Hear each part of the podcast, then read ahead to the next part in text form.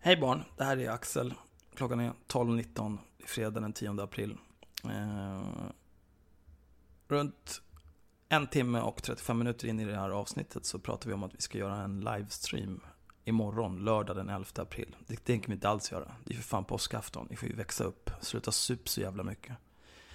Däremot så kommer Myra ikväll, fredag den 10 april, runt 8 göra någon typ av livestream i vår Facebookgrupp. Det finns en länk till den i avsnittsbeskrivningen.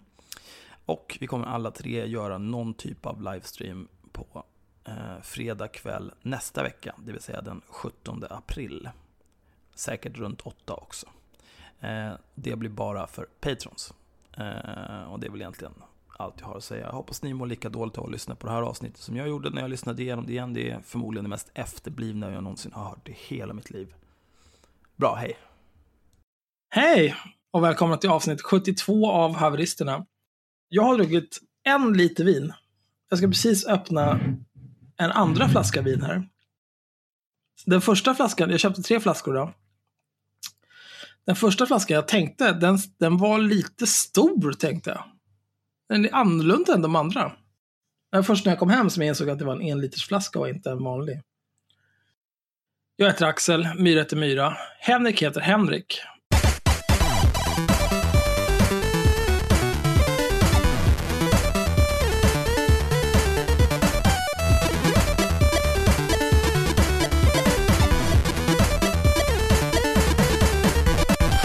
Jag har också skurit upp en väldigt trevlig kryddkorv här till mig själv. Mums. Vad är det för nationalitet på kryddkorven? Eh, det vet jag faktiskt inte. Men jag skulle... eh, Den är väldigt... jag- vill säga spansk. Mm, Eh, så lite är- tapaskorv? Nej, den var liksom som en bajskorv. Mm. Den såg lite grann ut som en, typ, eh, vad ska man säga, som inälvor. Eh, den är eh, vagt kukformad. Mm. Och sen är den liksom bunden i olika typer av eh, intrikata mönster runt om och sen någon typ av plast. Så jag skar bort all den här skiten. Och sen skar jag den på hälften.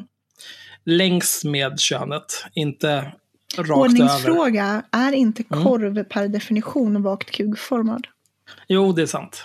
Eller i och för sig, jag kan tänka mig typ om man köper prickig korv eh, som pålägg så är den färdigskivad. Mm, då är den ju inte kukformad. Det är nog det enda undantaget jag kan tänka mig. Men det finns också en falukorv är inte riktigt kukformad. Fäbodjäntan agree, begs to disagree. Ja, just det. Jag har förträngt det. Gud vad hemskt. Hur kan du förtränga kulturskatten? Ja, nej, för att jag... Jag tänkte att det är innevarande år och kan vi inte få må bra? Men det går inte. Må bra här under 2020. Nej, det går inte. Du hostade lite där hörde jag. Har du corona eller? Ja, jag vet, jag vet. Jag tror jag fick corona av vår publicistiska diskussion. Mm. Ja, det var för att jag inte hade vin. Men nej, jag tror att det var för att Har jag... du vin nu? Nej. Eh, Oj, oj, oj. Men jag tänkte att eh, jag kanske har något annat kul. Vi får se. Mm. Jag ska jag funderar på det. Jag ska traska runt lite grann. Men gå- och kolla det så, så checkar jag in med Henrik i eh, Boden och hör hur han mår. Jo. Har du, har du bärs eller? Mm. Har du någon ölkorv? Nej. Okej, good talk. Eh, nu när Myra inte är här så tänkte jag att då kan vi passa på att prata om din nya bil som du ska köpa. Mm. Eh, kan du inte berätta vad du har för bil nu? En Volvo XC60. Mm. Vad ska du köpa för bil? En Volvo XC60. Idiot! Eh, varför ska du köpa en ny Volvo XC60? För att den har touchskärm. Den har touchskärm. Eh, är, är du bekväm att prata med dina bi- om dina billån i podden? Mm. Mm. Om du säljer din nuvarande Volvo XC60, vad är det för årsmodell på den? Inbyte. Om jag får inbyte. Ja, förlåt. Vad är det för årsmodell på den du har? Årsmodell är 2015 men den är väl gjord 2014 tror jag. Okej. Ja, en 2014, det kan man inte ha. En sex år gammal bil, det är bara skit. Så du byter in den. Vad får du för den då?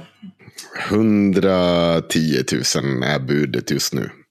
Ja. Och har du något lån på den bilen kvar då eller? Mm. Vad ligger de på då? 120 000 ungefär. Ja, Okej. Så du vill pressa upp priset lite grann där så det går uh, jämnt ut i alla fall eller? Mm. Mm. Vad kostar eh, den Volvo XC60 du ska köpa? Vad är det för årsmodell? 2018. 2018. En två år gammal bil. Ska du verkligen ha en sån? Mm. Ja. Vad kostar en sån då? För denna touchskärm. Touchskärm? Ja.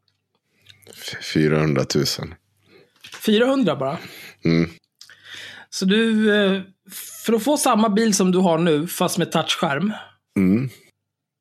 så är du beredd att betala 400 000 kronor. Mm. Får du något mer förutom touchskärmen? Mm. Ett hus? Eller? Jag vet inte. Nej. Nej, det är inte jättemycket. Det, 10 Rolex. Ja, 10 Rolex. Nej. Eh, Rolex Air King med laxrosa urtavla. Jag, faktiskt, jag får ju väldigt mycket mail från Watchmaster. Mm. Eh, de har väldigt många tips om nya Rolex Air King. Mm. Kanske ska du köpa några till? Mm. Det är uppenbart att ni har alldeles för mycket pengar båda två. Mm. Jag är ju faktiskt eh, inom en, jag vet inte, två, tre veckor så kommer jag vara vd i inte bara ett utan två aktiebolag. Unna Det är den nivån vi ligger på. Det är där vi jobbar. Mm. Eh, själv då Myra, har du funderat på att kasta 400 000 i sjön för att få touchskärm på någonting du redan har? Alltså jag, jag vet inte. Jag känner att det finns ju sådana här eh, små grejer man kan sätta fast bak på sin telefon. Så att man kan liksom montera den i bilen. Mm. Eh, och en telefon har ju en touchskärm. Mm. Detta stämmer. Jag, jag ser inte riktigt poäng, om jag ska vara helt ärlig. Men å andra sidan så har jag väldigt svårt att se poängen i att betala eh, för en bil överhuvudtaget eftersom jag har gjort det medvetna valet att bo på ett ställe där jag slipper bry mig om att ha bil.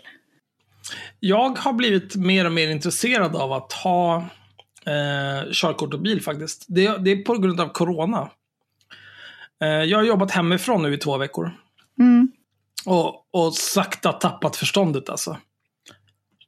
Eh, det jag gör på morgonen, istället för att klockan ringer, eller ja, nu bor jag ju inte vid Gullmars längre. Jag flyttar tillbaka om en vecka. Men eh, istället för att klockan ringer, när jag bodde vid Gullmars då ringde klockan 28. Så gick jag upp, klädde på mig, borstade tänderna, tog två snus och gick till jobbet. Perfekt, var där till åtta. Nu bor jag i Zinkensdamm. Eh, så nu ringer klockan fem i halv åtta. Jag går upp, klär på mig, borstar tänderna, tar två snus, tar fyran till jobbet, alternativt tunnelbanan. Beroende lite på. Ehm, Alltså det, det, som är, det som är pissigt med det där är ju att i, i, liksom allting som är bra med att bo i Zinkensdamm kan man ju liksom inte göra. På grund av mm, att man liksom försöker hålla sig i karantän. ja, alltså det finns inget som är bra med att bo här. Tycker jag. Jag gillar det. Men jag är ju uppvuxen vid Zinkensdamm. Ehm, jag vet Ja, ju hur det var det. förut.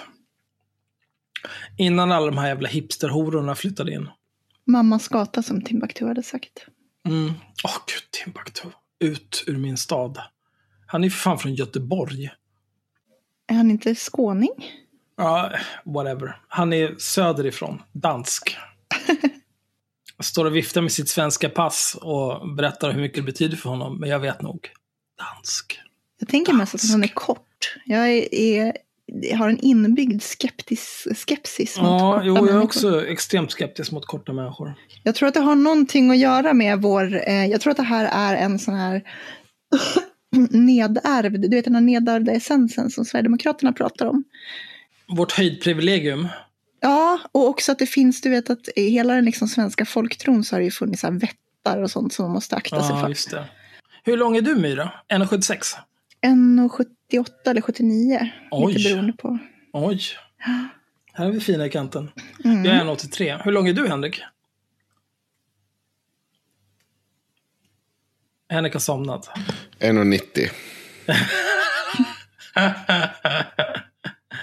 ja, vi är lite finare och lite bättre helt enkelt. Mm. Men eh, det jag skulle säga, ja det var många saker jag skulle säga, men eh, överlag, jag kan börja med varför jag hatar att bo vid Zinkensdamm nu. Det är för att allting här har blivit ett jävla hipsternäste. Mm. Där det var liksom en matbutik när jag var barn. Där är det nu ett ställe som heter eh, Beer and Play eller något liknande. Eh, de har arkadmaskiner, eh, flipper och skit. De har olika brädspel man kan låna. Eh, man kan dricka öl, de har quiz på tisdagar och så vidare. Fast det låter ju inte så dåligt. Jo, men när jag var där, vid bordet bredvid, då satt det liksom fyra personer som hade mössa på sig inomhus. Och inte vanliga mössor, utan så här sotarmössor och sån där skit. Och då kände jag, fan, jag, ni har inte hemma här. Ni ska fan ut alltså. Jag vill misshandla er här Hade de varit sotare så hade det varit okej. Ja, de hade varit liksom the good old boys. Mm. Folk som eh, går upp fem, jobbar fyra timmar, dricker starköl till lunch. Rediga grabbar. Men det var det ju inte. Det var ju hipsters. Jag var så jävla förbannad. Och sen överlag, eh, hela det här området har ju gentrifierats något helt otroligt. Men det är därför Mm. jag trivs på Gullmars, för att Gullmars är som Gullmars är idag som Zinkensdamm, Hornstull var för 25-30 år sedan när jag var barn. Jag skulle till och med nästan kunna hävda att det är lite mer städat än vad det var. Lite mer städat på Gullmars idag. Ja, Nå, det beror på vart man går. Alltså går man till ölstugan på torget, då vet man. Ja det, det är i och för sig sant. Det är ganska... Jag, jag, jag vet inte, var det du? Nej, det var inte, kan inte vara du. Det var jag, jag och brorsan tror jag som pratade om det där. Ja, Att, extremt äkta människor som är där. Ja, men det är ett sånt där ställe där man, där man, du vet, så här, man går in på ställen eh, som man inte är, som inte är ens, ens eh, ska man säga, stammisställen. Man aldrig varit där eller sådär. Och så går man in och så tänker man, här kommer jag bli knivhuggen. Eller så kommer jag ha, eller så kommer alla vara supertrevliga, men det finns liksom inget mellanting. Nej, jag brukar ofta känna så här, här skulle någon annan kunna bli knivhuggen. Men inte jag, för jag är en social kameleont.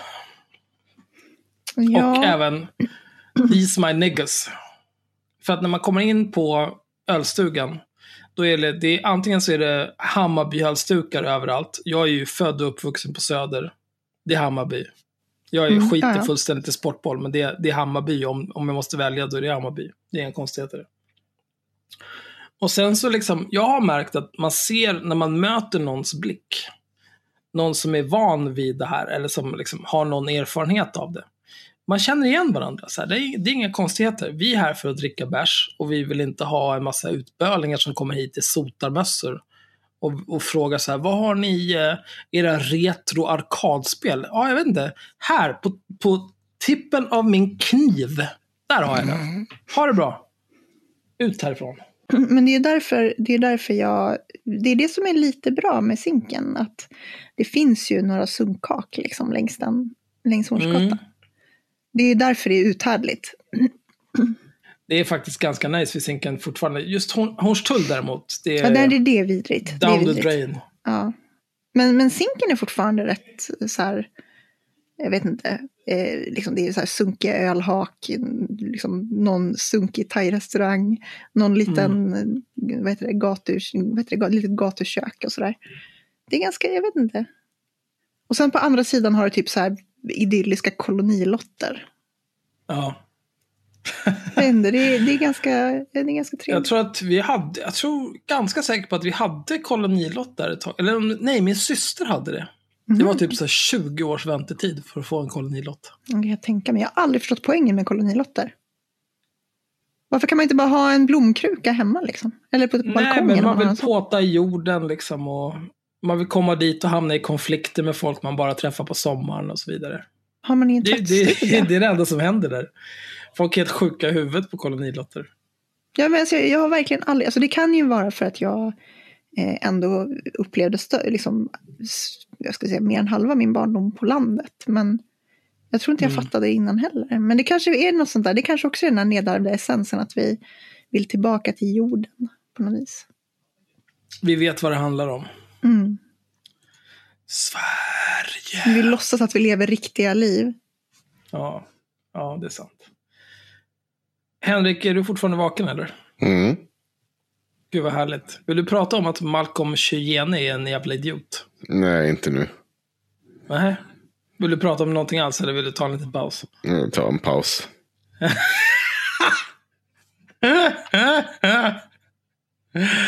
Ja, det är fantastiskt. Eh, Jag tror vi, i vanliga fall när vi spelar in avsnitt så brukar vi ta kanske 20 minuter, en kvart innan avsnittet, gå igenom vårt planeringsdokument som är två till tre A4-sidor med eh, länkar och kommentarer och så vidare.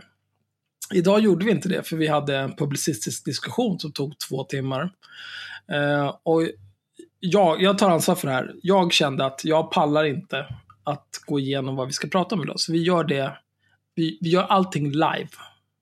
Det är nu det händer. Ja, vad ska vi ta för någonting? Vi kan, ska vi börja med något lättsamt? Mm. Ett, ett Mm. ADHD-test. Det, det Ja. var grymt alltså. Det här är ett test från Facebook med olika typer av eh, glada miner och hej och. Vänta, jag, jag kommer ihåg när jag tittade på det här att jag förstod precis hur de hade tänkt sig att man skulle...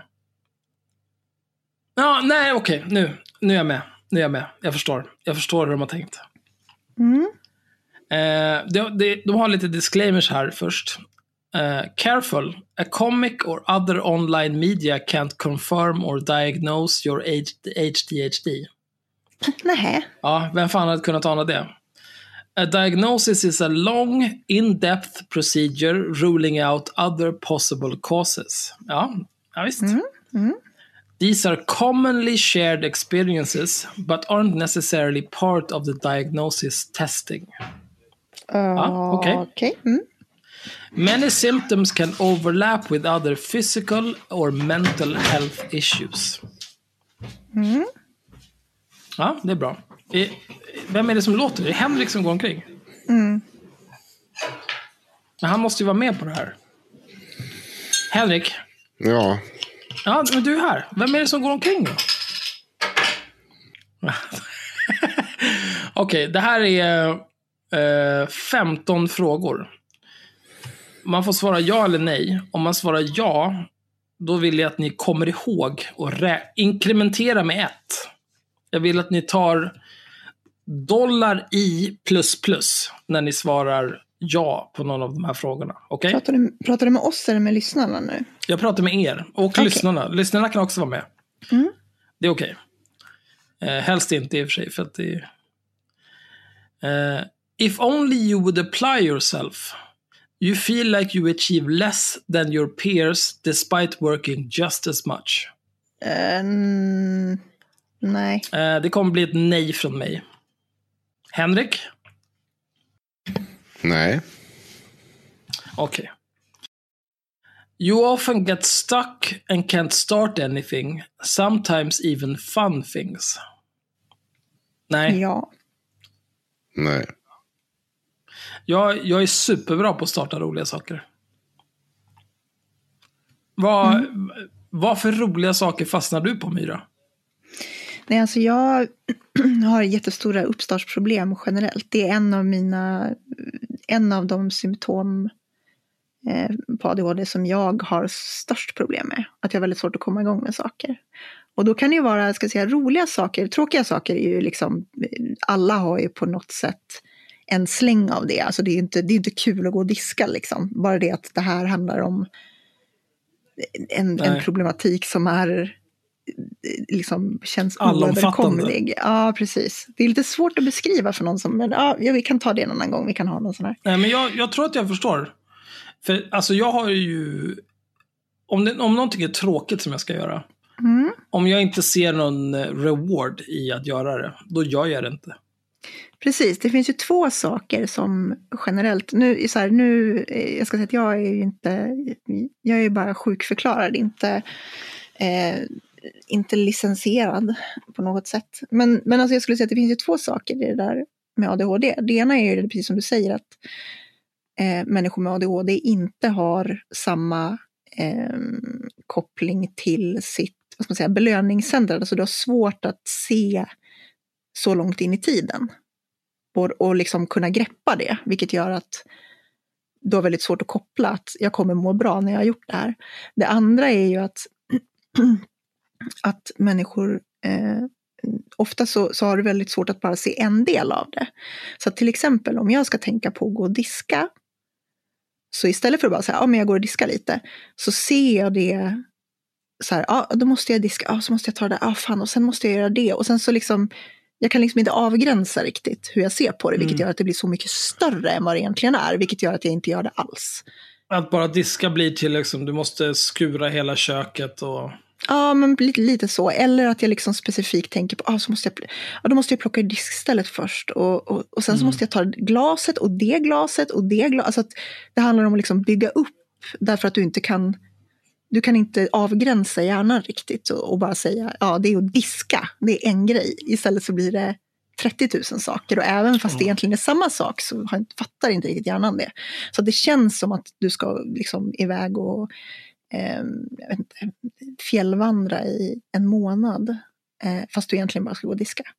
Men, men jag ska säga roliga saker, alltså det kan ju vara typ eh, att komma igång med jobb som jag ser fram emot att göra ibland. Att jag säger, åh fan vad kul det här ska bli. Eller om man ska ta någonting som inte är arbetsrelaterat så kan det ju vara att jag ska gå ut och dricka öl eh, med någon. Och sen Mm. så är jag så här, ah, fan jag måste, ja ah, just det, jag ska göra det här. Ja men jag gör det först för att är det lite jobbigt, om jag ska gå iväg då måste jag ta på mig byxor. Och det är jobbigt. Och så, ja. Det är ett problem, ja. så det är precis samma. Det, har egentligen så här, det är klart att det är lättare att komma igång med saker som är roliga. Men det påverkar definitivt både och. Så Mm. har jag mansplainat. Jag, sk- jag skulle säga, för mig, ja, för nytillkomna lyssnare, Myra är diagnostiserad, jag och Henrik är det inte. Mm. Eh, men för mig så, så här, jag, jag ser aldrig någon belöning i tråkiga saker. Och det är därför jag aldrig gör dem. Som typ att diska. Det finns ingen belöning i det för mig. Belöningen kan ju vara att slippa tänka på det. Ja, Jag tänker inte på det heller. Ja, skönt. Jag, jag diskar för att det inte finns någonting rent. Mm. Men det är samma sak som jag tvättar för att det inte, jag har inga rena kläder. Då tvättar jag. Alltså jag vet ju att till exempel om jag städar så varje gång jag gör det så bara, åh gud vad skönt det är att ha nystädat. Så här skulle jag ha det jämt. Typ som när man har, du vet här när man har ett stort berg med disk och så diskar man allting och så tänker man så här, gud vad skönt. Gud, titta vad rent det är. Här, så här ska det aldrig bli igen, säger man. Mm. Alltså jag, jag kan eh, identifiera eh, det rena köket som det optimala tillståndet. Mm. Men jag, jag känner inget som helst behov av att bevara det rena köket. Nej. Men samtidigt så har jag goda vanor eh, som jag lärde mig av min eh, mamma. Att när man lagar mat till exempel, eller så här, om du tar fram en, eh, en kniv och en osthyvel för att du ska bre smör på smörgåsar och skiva ost. Då när du har gjort det, innan du tar och lägger allting på en tallrik och går iväg, då diskar du den kniven och så diskar du den osthyveln och så plockar du upp alla smulor och skickar dem åt helvete. Det är precis det där som är knepet. Eh, som, jag har, alltså, eh, som jag har förstått eh, på ett rationellt plan men aldrig riktigt lyckats tillämpa. Just det där att, att det handlar om att hela tiden göra små saker. Så att diska ett glas varje gång du går in i köket om du har en stor disk. Eller varje gång du går från ett rum till ett annat så tar du med dig någonting. Typ ska du gå på toaletten, ta med dig lite tvätt. Typ. Ja, Eh, visst. Och det, det är ju jätterationellt men eh, sen ska man tillämpa det också. Men jag det där är ju ett jag tror att det bara handlar om, det handlar bara om programmering tror jag. Så För är det, det, det är inte så här att jag känner inte att det, det här är någonting jag naturligt skulle göra, utan det är bara för att det var ett jävla liv under hela min uppväxt, att det är så här man gör. Och om man inte gör det, då kan man dra åt helvete. Det är precis att man, att man tränar in rutiner för det. Eh, att Mm. det här är så man gör. Typ, man ska borsta tänderna varje kväll och så vidare. Ja, ja visst.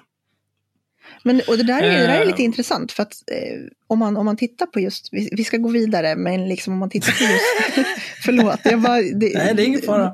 Jag tänker bara så här, det om man tittar på just ADHD till exempel, så är det ju så här, just för att eh, en av de saker, eftersom du har svårt att avgränsa, så gör ju det att rutiner och liksom listor och sådana saker, där man verkligen så här punktar upp precis vad man ska göra och har samma rutiner hela tiden för att man inte ska glömma saker eller att saker inte ska kännas lika jobbiga.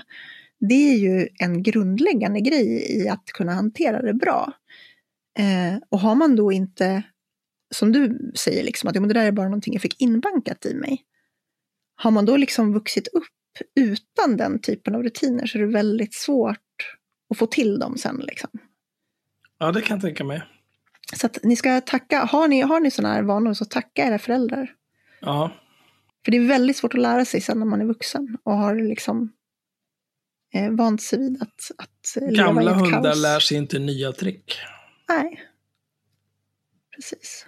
Okej, nu tar vi nästa punkt. Kul att vi har hunnit med två av 15, 25 minuter in i avsnittet. Perfekt. Mm. What if I'm just lazy? You spend a lot of time trying to figure out why you're so different. Nej. Ja, fast mindre numera än vad jag gjorde. Mm. Henrik? Nej. Alltså jag, eh, jag har alltid, eller inte alltid, men jag har länge varit medveten om att jag helt saknar ambition i livet. Mm. Allting jag har åstadkommit, vilket inte är jättemycket, man ska inte skryta. Eh, men allting jag åstadkommit har väl liksom varit i stort sett eh, på grund av externa faktorer. Det, det enda aktiva val jag har gjort, det var när jag var 30, jobbade svart på ett internetcafé och kände Fuck det här alltså. Jag måste ta mig samman. Och så sökte jag till en yrkesutbildning, pluggade två år, började jobba med data. Och här är jag nu. Men, men det mesta har bara rullat på. Det är inte som att jag har ansträngt mig eller... Uh, jag bara, ja, ja, visst. Jag, ja, ja, okej, ja. Mm. Men du är ju lite den typen av person också som, som liksom tar saker som de kommer. Eh, tänker jag. Att du, du Mm. finner dig i saker. Det är så här, hopp, nu är det så här vi har det. Och sen så försöker man bara få det att fungera. Ja, alltså jag... Den enda, enda skill jag har, som jag skulle säga är exceptionell. Mm. Och då menar jag inte exceptionell i relation till alla andra människor i världen, utan jag menar exceptionell i relation till alla andra skills jag har i varierande grad. Mm. Det är eh, problemlösningsförmåga. Mm. Det är det enda jag, jag, jag tycker att jag är riktigt bra på. Av de få skills jag har. Ja, då är det ju helt rätt eh, bransch egentligen. Ja, data. Hur gör man det här? Ja, man googlar. Nej, men det, alltså, det är väldigt enkelt. Alltså. Men det är framförallt, det handlar om inställning tror jag. För andra människor eh, har jag märkt i mitt yrkesliv. Eh, dels 20 år att jobba med människor, det är liksom kundtjänst, eh, hotellreception, data och så vidare. Att, att folk är ofta så här, nej det här går inte att lösa. Medan jag brukar ofta känna så här, ja men det, det är väl bara att ta reda på vad lösningen är. Det är inte så svårt. Det någon annan har ju stött på det här problemet liksom. Ja, ja, nog om detta. Mm. Eh, vi tar fråga nummer fyra. You only have two time settings, now and not now. The latter meaning it's probably already 10 minutes past deadline. Alltså i princip, princip ja. Men jag skulle inte säga att det är tio minuter efter deadline. Det är snarare typ eh, en timme innan. Med ett jobb som borde ta fem timmar. Hade det här varit eh, 10 minuter före deadline så hade jag svarat ja. Eh, Mm, precis. Men jag, jag gör inte saker efter deadline. Nej. Henrik? Nej. Okej, bra. Eh, nummer fem. You often catch yourself having spent an entire day concentrating, forgetting to even eat or drink. Hela tiden. Ja. Eh, det händer aldrig mig. Nej, inte mig heller. Eh, men det är för att jag har, inte det heller, nej. Men jag har också norra Europas jämnaste blodsocker. Så att eh, jag går inte och, jag går och äter lunch klockan ett tidigast. Och jag äter inte frukost. Um, och om jag äter lunch, ibland äter jag inte lunch, jag skiter bara i det. Äter jag lunch, då äter jag förmodligen ingen middag. Nej, men jag är också ute, jag äter typ ett mål mat om dagen oftast. Och sen eh, däremot så har jag eh, tvingat mig själv att dricka mer vatten under dagen. Mm. Det är typ så här, ja, jag tar morgonkaffet, då tar jag också ett eh, glas vatten. Vuxet. Och sen har jag olika typer av eh, kalenderevents. Nu är klockan tio, dags att hämta ett glas vatten. Nu är klockan tre, dags att hämta ett glas vatten. Så man dricker under dagen. För när jag kommer hem, då har jag alltid en en och en halv liters petflaska eh, kranvatten i kylskåpet som väntar på mig. Så tar jag ut den och sen häller jag den in i ansiktet under kvällen när jag sitter och spelar vidja. Mm. Och så fyller jag på den innan jag går och lägger mig. Men eh, just eh, vatten är det enda som är jag förmodligen dricker för lite av. Men mat är inte ett... Men det är för att mat är issue. gott. Mm. Vatten är jobbigt mest. Ja, men jag dricker så mycket alkohol. Det är vansinnigt många kalorier i det alltså. Ja, det är sant. Fråga nummer sex. Why didn't you just... Punkt, punkt, punkt. You have heard this question more times than you can count, but haven't found the answer yet. Nej, det är inte jag. Ja, wow. Ja. Jaså? Det är din första ja, Henrik. Kan du motivera? Eller exemplifiera? Nej, det tror jag inte. Jag har fått höra det nog många gånger i mitt liv. Varför lät du inte bara bli att köpa en fyra år nyare bil och sparade 400 000? Mm. Typ så. Bra, då tar vi nummer sju. You often feel like people are too slow to follow your thinking. Ja, Det här är min första ja, men det är inte Ja. för, jag tror inte att det är för att jag har ADHD, utan mer för att jag är, har storhetsvansinne. mm, ja det är möjligt. Jag Så skulle, alla säga, ja nu. ja, alltså jag skulle säga att för, det, för mig så handlar det väl in, inte så ofta om att så här, de här människorna är för dumma för att förstå mig. Utan det handlar mer om att, mm, att jag kan hoppa väldigt mycket. Om jag inte aktivt försöker eh, fokusera på att hålla en linje så är det väldigt lätt att så här, hoppa från en tanke till en annan på ett sätt som är eh, som inte alla hänger med på. Liksom. För att det tar Mm. ett tag för hjärnan att ställa om. Bara det att jag har alltid 30 olika li- tankar i huvudet samtidigt. Så att för mig, jag behöver liksom inte ställa om fokuset. För jag har inget fokus till att börja med. Så. Jag skulle säga att det handlar inte heller om att folk är dumma. Utan mer om att eh, eh, min erfarenhet av andra människor är att de älskar att prata om saker väldigt länge. Mm. Eh, jag brukar oftast bara så här, det jag jobbar med är ju oftast liksom någon typ av problemlösning. Jag brukar bara se ett svar. Och så säger jag, det här är en grej vi skulle kunna testa. Men andra människor, de gillar att prata i cirklar och har ni pratat bla bla bla. Och sen kanske de kommer fram till samma sak som jag gjorde eller till något annat och så vidare.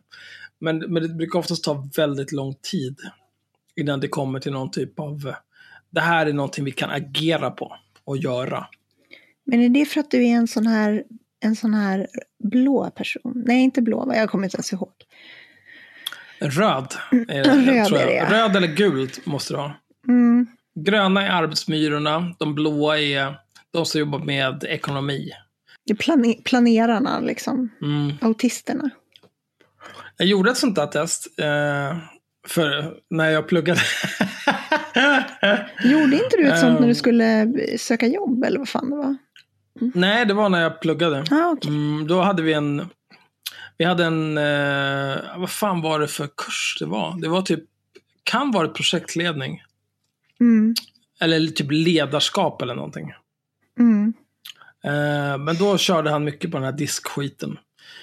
Eh, enligt det där testet så hade jag eh, blå personlighet eh, med, jag kommer inte ihåg vad de kallar det, tendens eller tillämpbar eller någonting. Blå med eh, beteende mot gul. Det där är så jävla roligt för att det där är liksom horoskopprincipen. Att bara, ja, det här är jättebra för vi kan dela upp folk. Men, eh, eh, men alla människor är lite av alla färger. Okej, så då har du Mm. alltså inte delat upp folk.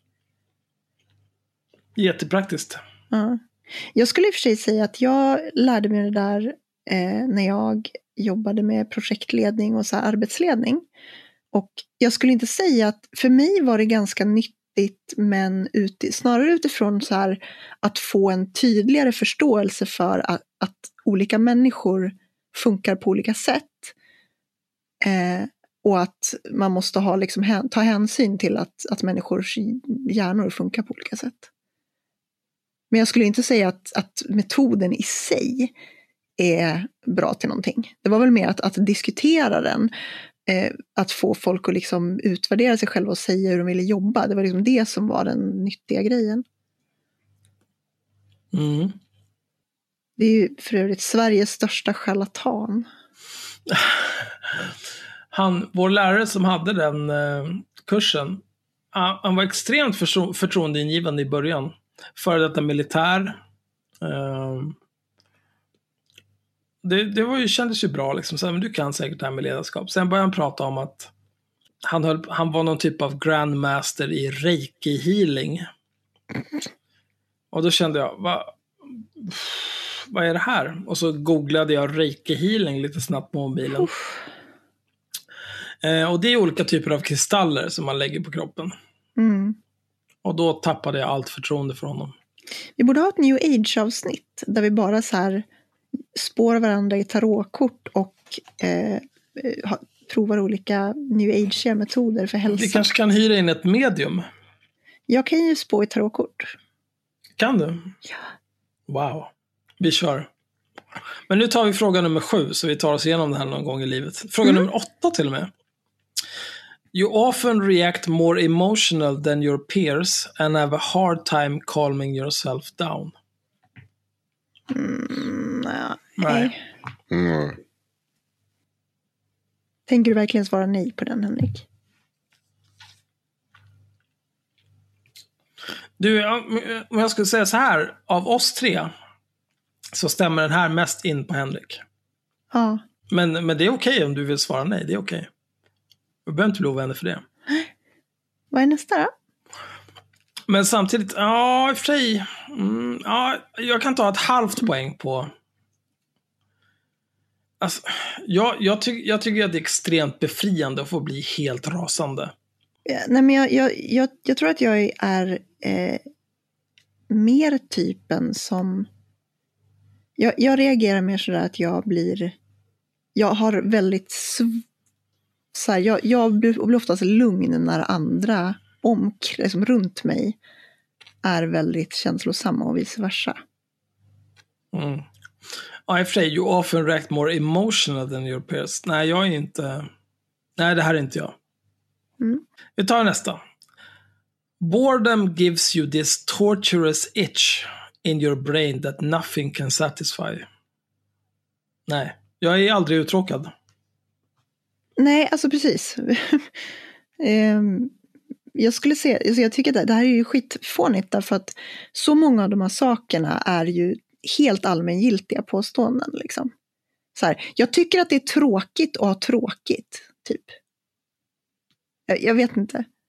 För mig så har Ja, det väl mer det varit, alltså för mig så har det alltid funkat mer så att så här, jag, jag skulle aldrig sätta mig i en situation där jag hade tråkigt för att jag skulle eh, omedelbart hitta någonting att göra.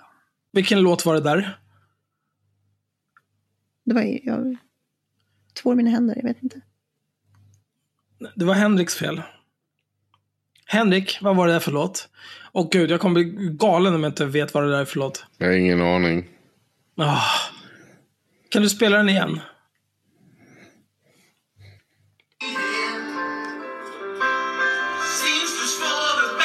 Tiny Dancer, Elton John. Bra Fy där. fan vad grym jag är alltså. Plocka den direkt. Ah. Direkt på försök två. Direkt. Ja, men vad fan, jag hörde bara, jag kände att det där är någonting jag borde veta och så höll jag på att tappa vettet för att jag inte visste. Har du lekt eh, introlåtsleken någon gång? Den är jätterolig. Nej, men eh, jag vill eh, leka den här leken. Men grejen är så här, jag kan bara leka sådana där lekar om jag har, som nu till exempel, druckit en liter vin. Mm. För att då, det, det, det är de enda tillfällen då jag blir extremt competitive. Och om jag, Jag- inte är i det mindsetet, då är jag helt ointresserad av att göra någon typ av eh, tävling. Jag eh, umgicks ju väldigt mycket med olika typer av musiker eh, under en period. Här, för att jag gick estet på gymnasiet och så. Eh, så jag kände Mhm. väldigt mycket människor som var på musik.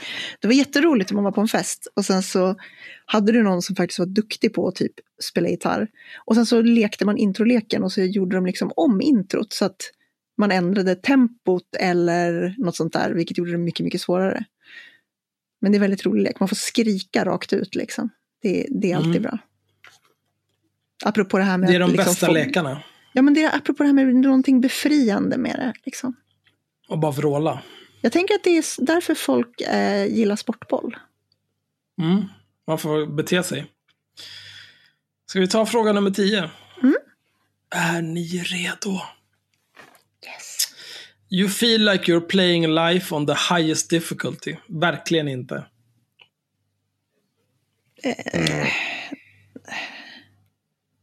Nej, det gör jag verkligen inte. Det känns ju som en jävligt Men konstig det, påstående. det, här är, det här är ju kontextbaserat. Precis. Man får ju inte jämföra sig själv med liksom någon, någon treåring som ligger och dör i öknen någonstans för att hen inte har tillgång till rent dricksvatten. Man får ju Mm. jämföra sig själv med sina peers i Sverige, i ett av världens rikaste länder. Eh, ungefär samma åldersgrupp, ungefär samma bildningsnivå och så vidare.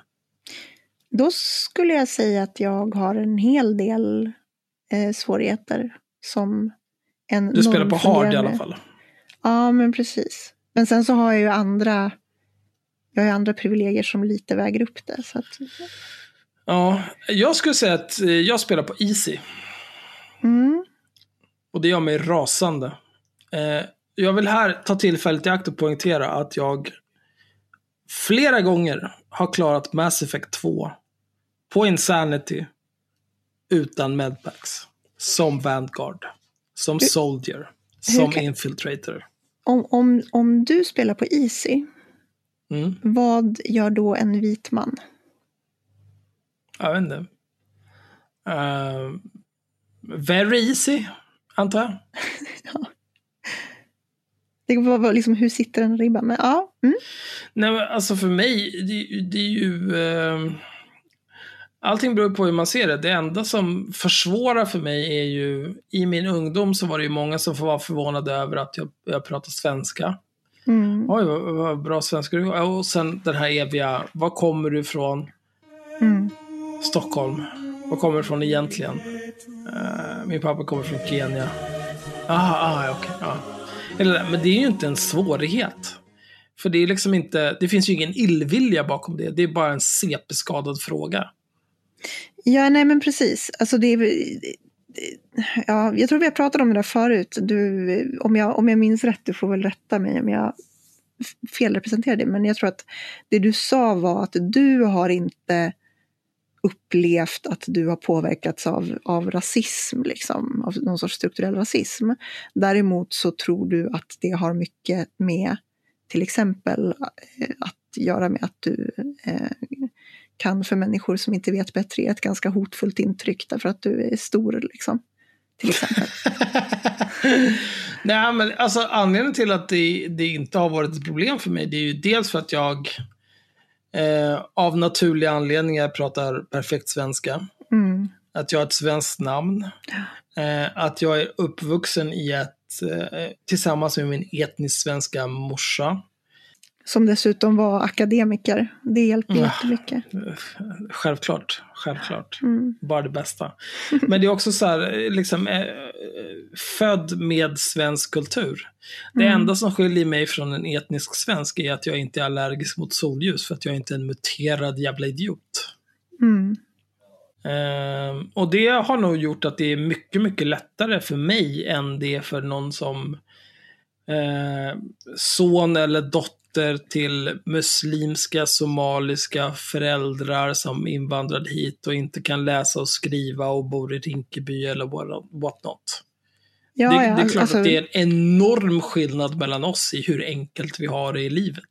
Ja, alltså det, det, precis. Det är eh, en grej som jag tror är superviktig. Det är liksom det där att eh, hur mycket eh, Speciellt i Sverige för att, därför att vi har ett så stort fokus på utbildning. Och bildning, alltså så akademiska meriter. Eller att kunna ge intryck av att man har akademiska meriter. Mm. Eh, så gör ju det extremt stor skillnad. Och då har man då föräldrar som kan hjälpa en med det så har man en enorm fördel tror jag oavsett eh, hudfärg, eh, kön och så vidare.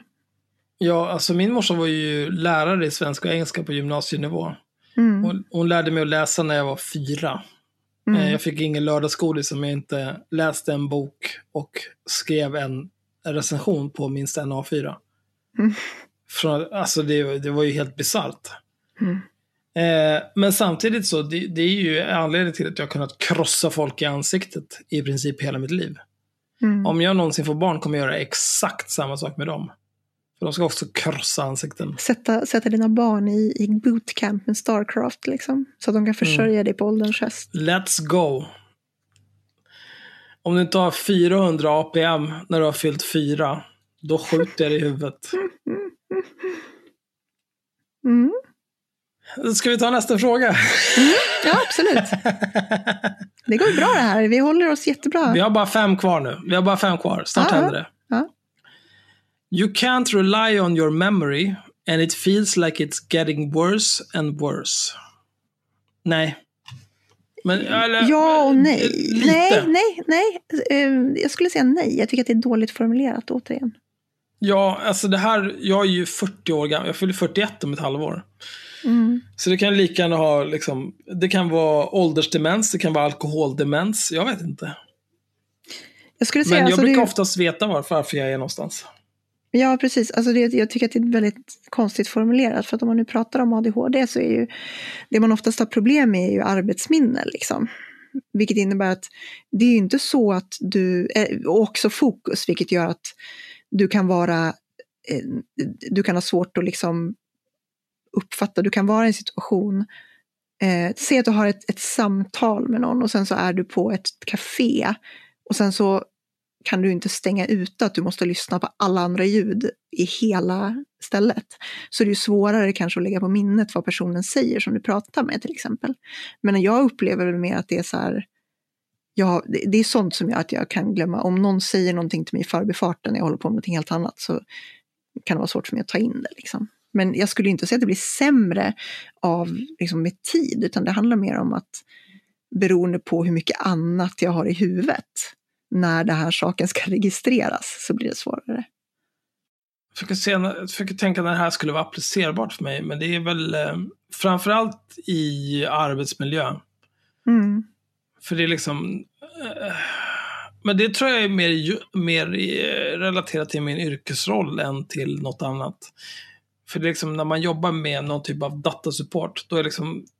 Eh, jag, anledningen till att jag väldigt tidigt i min datakarriär slutade äta lunch med andra människor, det är för att det kommer alltid någon och säger så här, ja ah, du jag har problem med det här och det här, kan du kolla på det? Och så här, I början säger man så här, ja visst, ja, ja, jag ska bara äta lunch Stort här. misstag. Ja. Och sen äter man sin lunch och så dricker man lite kaffe och snackar med sina kollegor, de som är sköna. Mm. Och lever life med dem liksom. Eh, och sen så ett par timmar senare så har den där personen igen så har du hunnit kolla på det där? Så här, Nej. Ja, va? Och, och det är så här, jag vet inte vad, vad du pratar om för problem. Jag vet inte ens vem du är. Men du vet vem jag är för att jag är en knytpunkt liksom. Mm. Ehm, så på det viset, visst. På så vis glömmer jag saker. Men det är saker jag inte borde behöva komma ihåg om folk kunde följa rutinerna och lägga ett ärende. Precis, men det är lite samma sak. Att, att så här, beroende på i vilken kontext du får någonting. Det är inte så att... Alltså jag är ju till exempel, jag, jag har ju väldigt svårt att... Jag glömmer ju väldigt lätt typ att folk fyller år och sådana saker. Och då spelar det liksom ingen roll om jag, jag kan ha gått och tänkt på det varje dag, två veckor innan.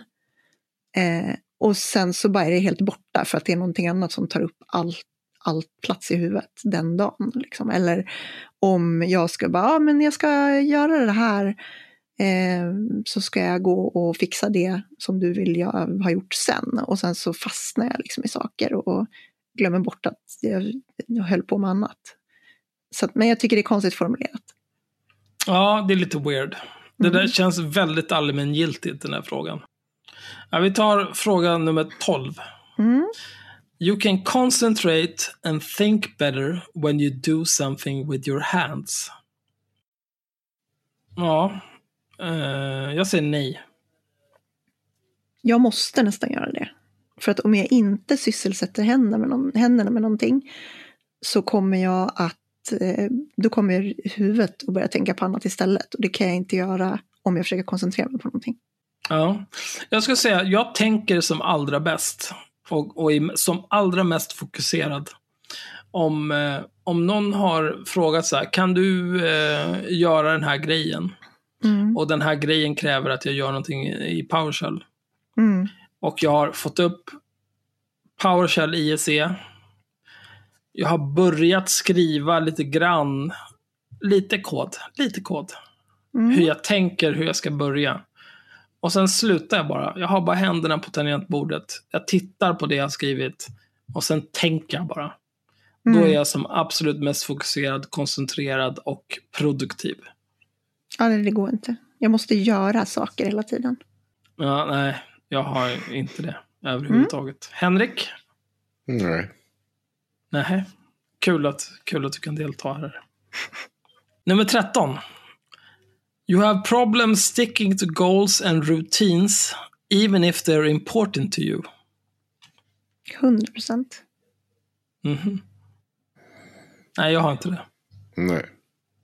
Det där var en av de sakerna, apropå det här med att, eh, jag kommer inte ihåg exakt vad de hade formulerat, men just det här att, att man, man känner att man inte är tillräcklig, typ. Det var ju en av de sakerna att väldigt ofta så eh, förutsätter människor att om man inte gör någonting som man borde ha gjort, till exempel, jag glömmer bort någons födelsedag eller jag kommer för sent till någonting eller jag är sen med en deadline eller vad det nu kan vara. Så för en människa som, för de allra flesta, så kommer det vara ett tecken på att man inte tyckte att det var särskilt viktigt.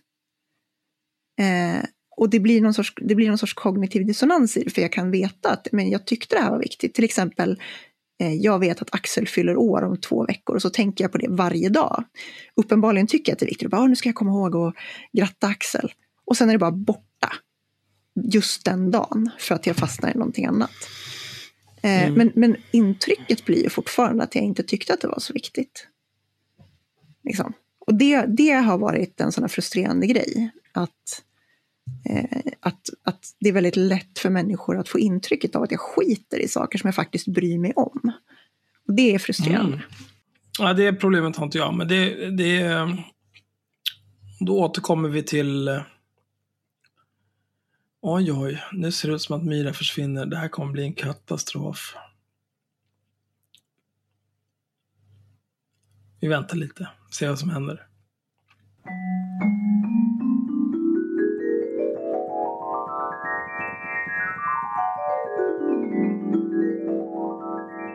Eh, vi har haft eh, ytterligare en publicistisk diskussion på en och en halv timme, helt i onödan. Men nu är vi tillbaka och eh, ska avsluta det här jävla ADHD-testet. Det är två frågor kvar. Härda ut. Jag hoppas ni kommer ihåg hur många poäng ni har samlat på er.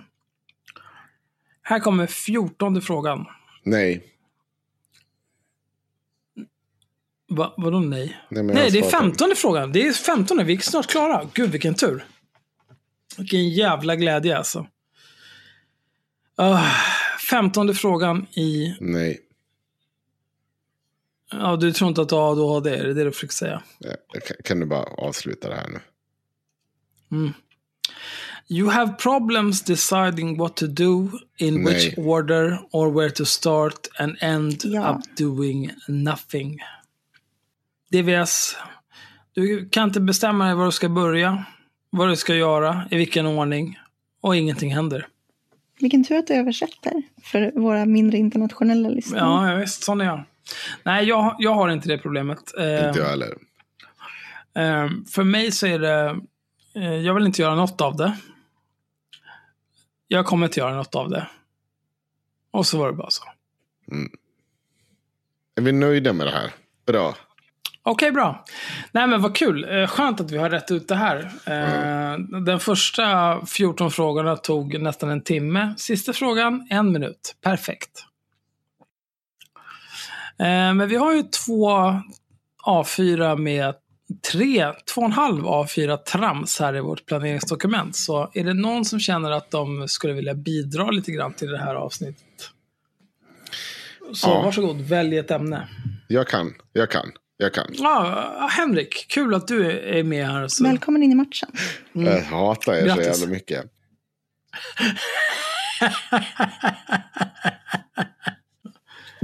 Och det, det Jo, tog tack, två vi- och en halv minut från att vi har kommit överens om att vi ska fortsätta spela in det här avsnittet innan du börjar bete dig som en jävla apa. Så här är det.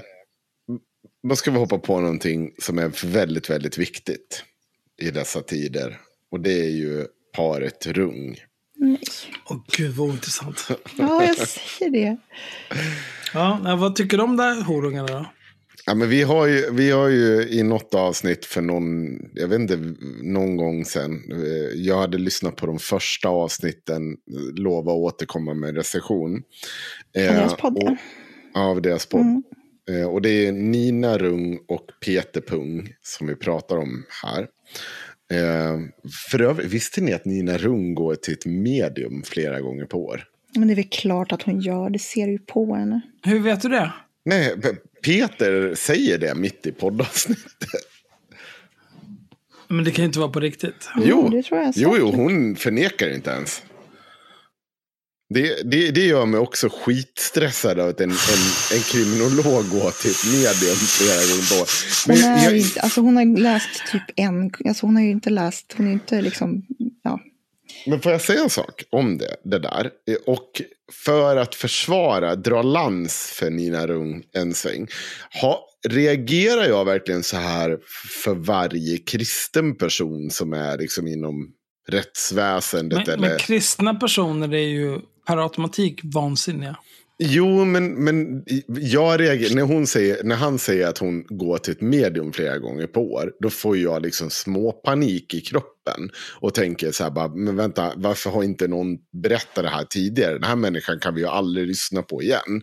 Sen inser jag att det finns ju jättemånga kristna, alltså, eller religiösa personer. Men religiösa personer är sjuka i huvudet. Jo, men är jag så konsekvent? Eller Okej. nej, jag tar tillbaka. Religiösa personer är inte sjuka i huvudet, men de, de är liksom...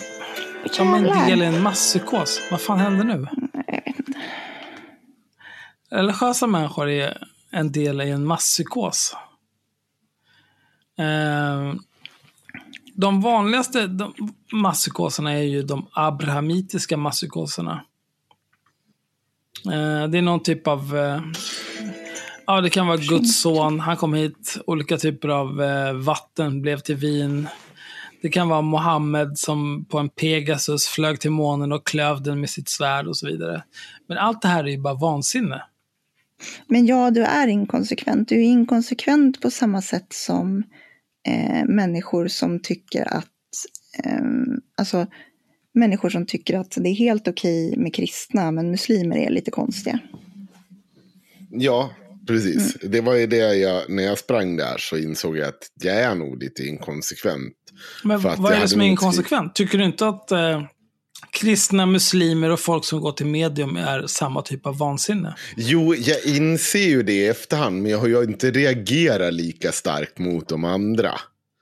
Jag, menar ju bara att jag är ju inkonsekvent, inkonsekvent mot Nina när jag hör det. Ja, det är, Okej. ja. Ja, Men, du reagerar starkare på att hon springer till ett medium Ja, än, då- än om någon skulle vara kristen. och då, är- det är ju kvinnohat, det har man ju Ja. direkt. Men i det här fallet så är det så att Nina och Peter Ung sitter och diskuterar att världens eh, politiska ledare har gått och blivit eh, pubertala. Känner ni igen i det här resonemanget? Att eh, eh, Donald Trump, Jimmie Åkesson, Bons, Bolsonares och så vidare har blivit väldigt, ett pubertalt gäng. Ja, Visst. Men, men... Eh, men vadå, alla världsledare? Det är ju... Eh, Åkesson är ju inte en världsledare.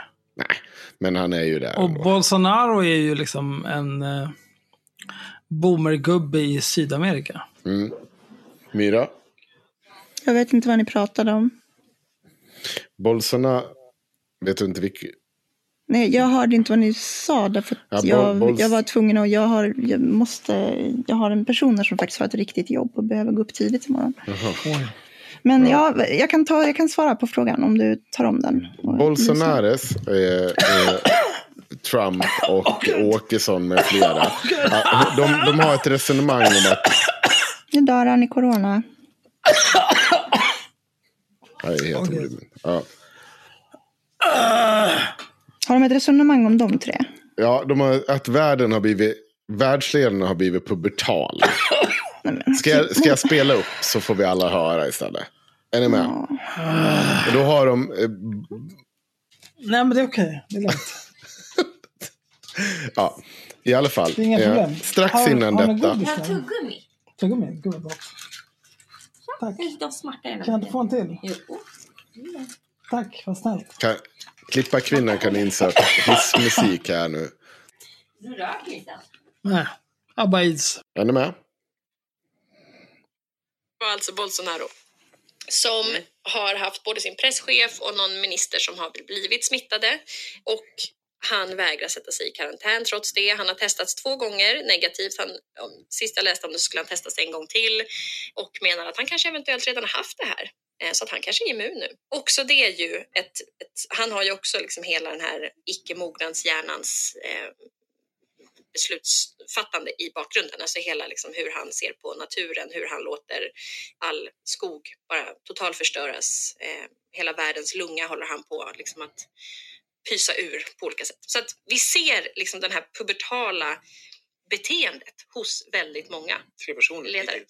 Ja, men de är också superviktiga personer. Ja, ja. Ja, Men inte väldigt många utan tre superpubertala ledare som når och har makt. ja men också De tre superpubertala ledarna är då Bolsonares, eh, Jimmie Åkesson och, och eh, vad heter det, Donald Trump. Jag ska, vi ska fortsätta. Fint att de kunde tre namn i alla fall. Mm. Men vi kommer, för Var det kommer här, det härifrån? Varför, varför är det två Nina Rungs? Carol Rungs. Eh, vad sa du? Förlåt varför, är det, varför är det två Nina Rungs i det här samtalet? Och bara en Peter Rung? Ja men vänta, vi, vi kommer till det. Vänta. Okej, vi tar Macron. Jag säger ingenting om hans politik. Jag säger ändå, här har vi en man som ändå, när han var pubertal, blev ihop med sin lärare. Eller var det hans lärare som blev ihop med honom? Mm, det är det man inte riktigt vet. Jag säger bara att det här, det finns en liksom, det finns någon, någon dragning Just. kring det här pubertala. Lust, rädsla och fördomsstyrt. Eh, styrt. Ja, ja men precis. Mm. Och om man då jämför med vad vi hade tidigare, alltså att vi, hade, att vi har sett ett skifte, det är det jag är lite ute efter. Att det är Mm. inte så här att vi har haft den här pubertala tiden väldigt länge, utan vi hade innan Trump hade vi då Obama. Precis. Som ju pratade väldigt mycket om liksom ansvar, om att ge liksom massor av amerikaner möjlighet att få sjukvård som om de hade haft det nu kanske faktiskt hade haft en lite bättre situation. Att de som dessutom har det nu har ju en mycket bättre situation än de som inte har det. Ja, och, och vi har liksom Merkel som har varit typ hela Euro Europas mamma som nu är liksom på väg ut. Så jag tänker att så här, vi har haft lite mer så här, mogna hjärnor. Vi har haft lite mer mamma och pappa som har liksom styrt och gjort någonting Åh, bättre. Och plötsligt så är vi liksom tillbaka i pubertala gänget som plötsligt tar över världen som ett så här vidrigt grabbgäng som så här bufflar och mufflar och tycker att det är okej att ta på kvinnor hur som helst och plötsligt så är det de som Oj. leder världen. Kan det vara att Så, där stannar vi. tycker jag. Eh, Kan, ja. kan vi kanske tänka oss att paret Rung... Alltså jag tyckte att det var nog jobbigt när de skulle prata om porr och sådana grejer. Ska de verkligen ge sig in på att diskutera världspolitik? Jag orkar inte. Jo, Vad är det med de här jävla, jävla straighta människorna, människoparen som ska vara så jävla bra på allting och så ska de sitta där och bara Åh, nu ska vi sitta här och vi har så kloka åsikter om allting och vi är så woke och Åh, jag bara, bara Men- döda dem. Alla, alla jävla mamma, mamma Jo, men vi, vi måste ju också motivera varför, för jag håller ju med Jag tänker här. inte motivera varför. Det här är så, om man lyssnar på det här och tänker Gud vilken bra take. Då är man korkad. Då behöver man inte lyssna på den här podden. Då kan man gå och lyssna på någonting annat. Alex och Sigge är bra har jag hört. Jag vill inte ha er som lyssnare. Bra, säg ifrån. Mm. Det här är det dummaste jag har hört. Det är, som, det är, så, det är så jävla... Nej, nu ska, jag ska förklara varför jag, varför jag blir så provocerad av det. Mm. Det kan jag göra innan jag behöver gå. Så här, du har ett extremt jävla, så här, typiskt jävla gift straight par som, som, bor på, som bor i Stockholm och är liksom lite woke och lite feministiska och har så bra och vettiga åsikter. Och de har en sån självcentrerad bild av världen där, där det är så här, det är fullt rimligt att sitta och prata om Eh, jag har typ ingen förståelse för världspolitik eller för politisk ideologi. Så att jag måste relatera det här till saker som jag förstår. Typ som att men Angela Merkel, det är som en mamma liksom. Som tar hand om. Det tycker jag är fint. För jag är en jävla familjelivsmorsa utan någon annan identitet än att jag är en jävla familjelivsmorsa. Och det här är som pubertala killar som vill tafsa på folk därför att jag tror fortfarande att jag är liksom en tonåring eller någonting. Det, det, det, är så jävla själv, det är så jävla självcentrerad analys. Det gör mig förbannad. Så, nu är jag klar. Ja, Axel. Har du något? Ja, det är väldigt rimligt. Jag vet inte. Eh, jag tycker bara att det var dumt. Mm. Det är nog det enda jag har att säga. Ja, då, då tänker jag säga så här. Ehm, för att det de säger här, det, det, det långa resonemanget, de pratar ju om hur, hur Bolsonaro liksom förstör världens lunga och alltså regnskogen.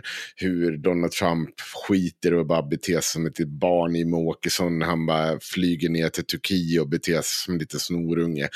Det är ju inte så att jag inte håller med dem. Det, det ska man ha väldigt, väldigt klart för sig. Men kan det vara så att världen väljer den här typen av ledare på grund av att de tidiga ledarna som de pratar om, Angela Merkel, eh, Obama och så vidare och så vidare, inte har uppfyllt de löftena som de sa att de skulle göra. Det vill säga att de skulle liksom se till att det skulle vara ett universal healthcare och så vidare. Det skulle, världen skulle bli så mycket bättre med de här människorna. Och allt vad det Ja, det innebär. är ju väldigt olika där. Alltså, Angela Merkel har ju sagt att hon ska gå i pension. Ja. Så att hon eh, ja, inte kommer vara en, en del av Europa i framtiden är ju, det är ju hennes val. Mm. Angela Merkel är för övrigt det finaste vi har. Är det verkligen det hon är? hon Det vill jag, verkligen jo, jag, jag vill att alla som bor i Europa ska vara väl medvetna om att Angela Merkel är det finaste vi har. Ja. Fy fan alltså. Uppvuxen i Östtyskland. Högskolepoäng ut ur arslet. Kristdemokrat. Nu kör vi. Men Peter Ung, han kommer faktiskt här med en väldigt intressant... Fan, vad vet han? Ja, men äh, ta det lugnt. Men det- Bolsonaro, det- eh, alltså, får, man- får man prata lite grann Ja. om de här andra? Alltså Bolsonaro är ju bara en, en helt vanlig populist. Eh, Vi ska ha hårdare tag mot eh, brottslingar, hej och hå. Han, alltså han är ju borderline utvecklingsstörd, Mm. precis som Trump. Mm. Och, och det är ju inte bra ledare. Mm. De, det kommer ju inte... Man kan ju grina om, alltså, ja, Obama. Tänk vad många de drönade i ansiktet under Obama. Supermånga. De Men drönade kommer- så många människor. Kom ihåg nu att Obama, eh, eller eh, paret Rung, De har ovanför sin soffa en sån här dubbeltavla där det står Obama, ja alltså så här, typ hans election. Eh, alltså så här, han har... Varför har de det? De är ju vita. Jo, men de, de vill väl visa hur mycket de stöttade Obama i valet. De har en svart kompis. Åh, Ja. nej. It's gonna be a no from me dog. Ja. Men det är precis det jag menar. Det, det är ju verkligen så här hög, alltså det är verkligen högstadienivån liksom. Men vi ska, vi ska lyssna på vad Peter har att säga om det här på mina svar. Och jag tycker det är intressant. som nu väljer de här till makten, att de revolterar mot vad de ser är bristen på vardagliga resultat. Det blev inte bättre för mig, trots att du sa så här och gjorde så där. Det blev inte... Mm, Som att de är också obstinata tonåringar. Ja, men precis. Typ bu för dig, du, det var ingen jättebra mamma, det var inte alls schysst att du gjorde så. Så gör de, Ja, precis. går de ut och röstar tvärs Ja, emot. jag har inte mer pengar i plånboken nu, Obama, trots att du sa att jag skulle ha det efter dina mandatperioder. Mm. Så därför kommer jag rösta på den här idioten som säger att... Ja men du ser, hela världen har blivit då Vänta, vänta, vänta. vänta. pubertal. Ja. Folk vill ha mm, resultat. Snart kissar de med Det är resväskor inte prestationerna allihopa. som räknas, det är resultatet. Jo, Fa- vänta, vänta. Lyssna nu på Nina. Lyssna, nu- lyssna på hennes röst när hon svarar på det här. När han liksom har lagt fram den radikala idén om att folk är lite trött på att det de röstar på inte ger resultat. Och att just det här, han, de har just gjort narr av att Ja men Obama, du sa att vi skulle få mer pengar i vår plånbok. Jag Men vi fick det. inte det. Nej, nej, nej men oavsett, det, det är fortfarande... Och det Obama sa, det var att du ska få ett universal healthcare. Du ska inte behöva oroa dig för att du skulle lägga ut två bapiljarder på att du ska få gå och eh, kolla om du hade hudcancer Aids. i den där stora jävla bölden som växte ut rakt ut i din röv. Det var liksom inte... Nej, men det, det är ju därför som USA blir fistade nu. Ja. Med corona. Ja. Det är ju för att folk, de tar ju betalt för att folk ska få testa sig. De vägrar testa folk om de inte har försäkringar. Det är ett jävla u-land. Ja. Det är bara bomba skiten sönder och samman. Men lyssna nu på hennes röst kring det här. och, men vad, vad är det för resultat de vill ha då menar du? Alltså jag tänker att det har ju ändå, var ju ändå bättre under liksom mogna ledares era.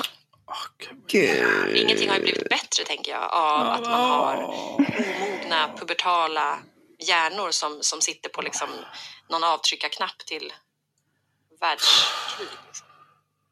Nej, Jag vet inte. Jag, jag, det var, min- spaning på det var att det kanske beror på det. Då. Så när till exempel Trump kommer till makten och han säger ja, jag ska minsann se till att vi inte exporterar arbetskraften eller vad han nu liksom, vi ska minsann bygga Va? den muren. Vi, jag ska se till att få ordning på de här sakerna, de som kommer och stjäl våra jobb eller öka kriminaliteten.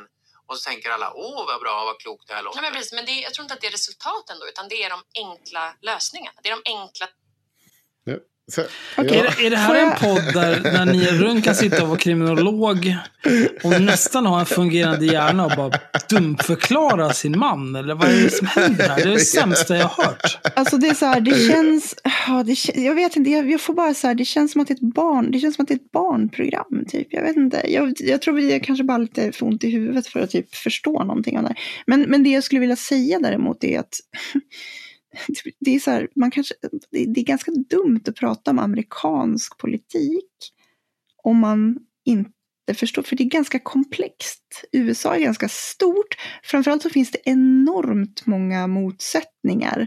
Till exempel eh, att eh, Ja, alltså, bara en sån sak som att Trump pratar mycket om, Mex- alltså man målar upp de här att mexikaner kommer och tar eh, alla jobb. Och de är förmodligen våldtäktsmän och lever på bidrag och tar alla jobb och det där, ni vet allt det här vanliga. Mm. Men det finns ju en, en legitim poäng i att det man sysslar med i USA, i, liksom har sysslat med, är ju någon typ av... ehm, alltså det, det har ju varit en massa, massa eh, under, underarbetarklass eh, vita människor som har faktiskt hamnat i kläm. Det, det blir så dumt att förminska det till att det är en pubertal revolt. Eh, Nej men det, det är ju så konstig grej de pratar om för att det är ju, det är så här, det är ju verkligen dagisnivå. Ja, men det, nej, men han, det är ju inte, han har ju rätt när han svarar henne. Alltså, så att, det är ju det här som är ett stort problem. Som inte Vad är kan... det som är ett stort problem? Jo, men det, är att Obama inte löste de här människornas skit. Obama fick Fast- det, han var det stora hoppet. Nej, men vad fan.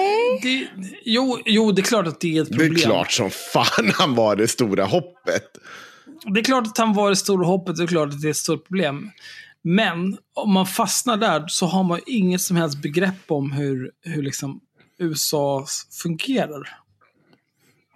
Det är ju det är senat och kongress Jo, och jo. president, checks and balances och så vidare. Ska man påstå det så skulle jag vilja se någon typ av belägg för att eh, Obama-röstare i stor utsträckning gick över till Trump. För det, det skulle du ju behöva för att kunna hävda att det var besvikelsen av Obama som fick folk att rösta Trump. Det tror jag inte att det var. Nej. Eh, alltså det, men det är USA därför jag säger att jag tror inte att det håller som förklaring. Nej, nej, USA är men- ju traditionellt ett, ett väldigt tudelat land. Mm. Där Ja. det är väldigt nära 50-50 liksom. Ja, absolut. Ja, framförallt många icke-röstande människor och, och Trump skulle kunna Ja, det, är- väckt det är ju på dem. gränsen till ett u-land när det kommer till hur många som röstar. Och, och sen så har de, alltså Trump, eh, Trump vann ju inte, han hade ju inte majoriteten av rösterna, han vann ju majoriteten av elektorsrösterna. Mm. Som är det som räknas. Mm. Men han, hade ju, han vann ju inte majoriteten av det totala antalet röster.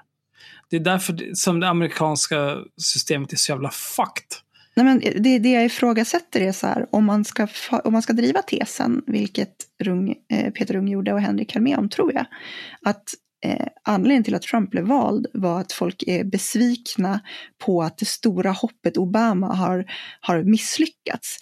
Då skulle man ju se en stor röstförflyttning från Obama till Trump. Och det tror jag inte att, jag, jag har inte de siffrorna framför mig, men det har jag svårt att tänka mig. Att det var Nej, men det har hände. du rätt. Det, det var inte riktigt den TC. Jag menar bara att det, han, han, säger ju väl, han säger ju bra mot henne att ja, men folk kanske är besvikna på hur det blev.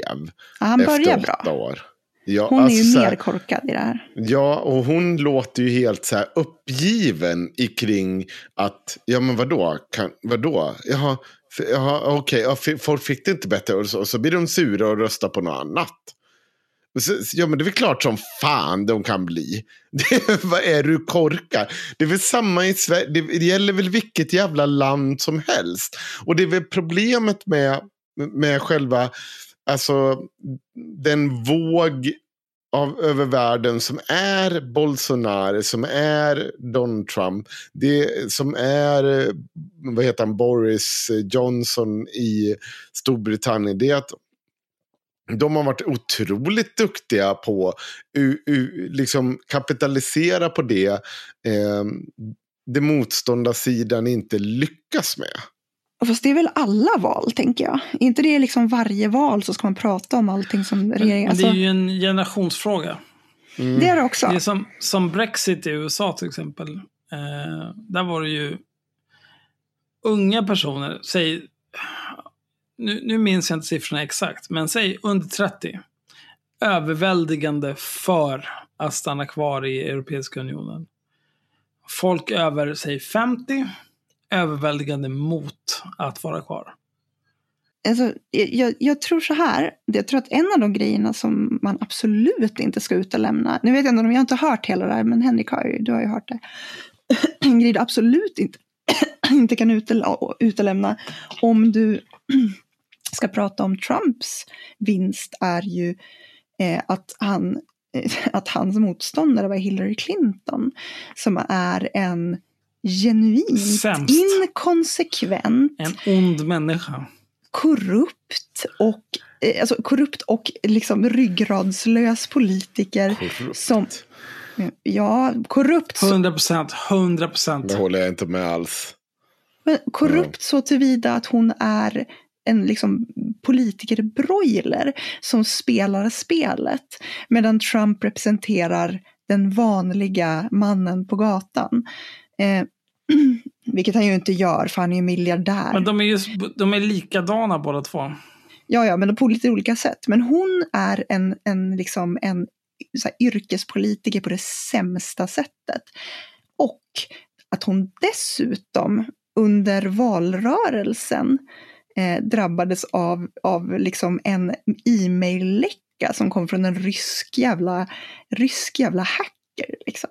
Om man, alltså, förstår man inte att så här, det finns ju folk som röstade på Trump bara för att Hillary representerar det sämsta med det amerikanska etablissemanget. Och det är sant, hon gör det till stor del. Ja, nej men Hillary Clinton är ju kanske det sämsta som har hänt amerikansk politik i nutid.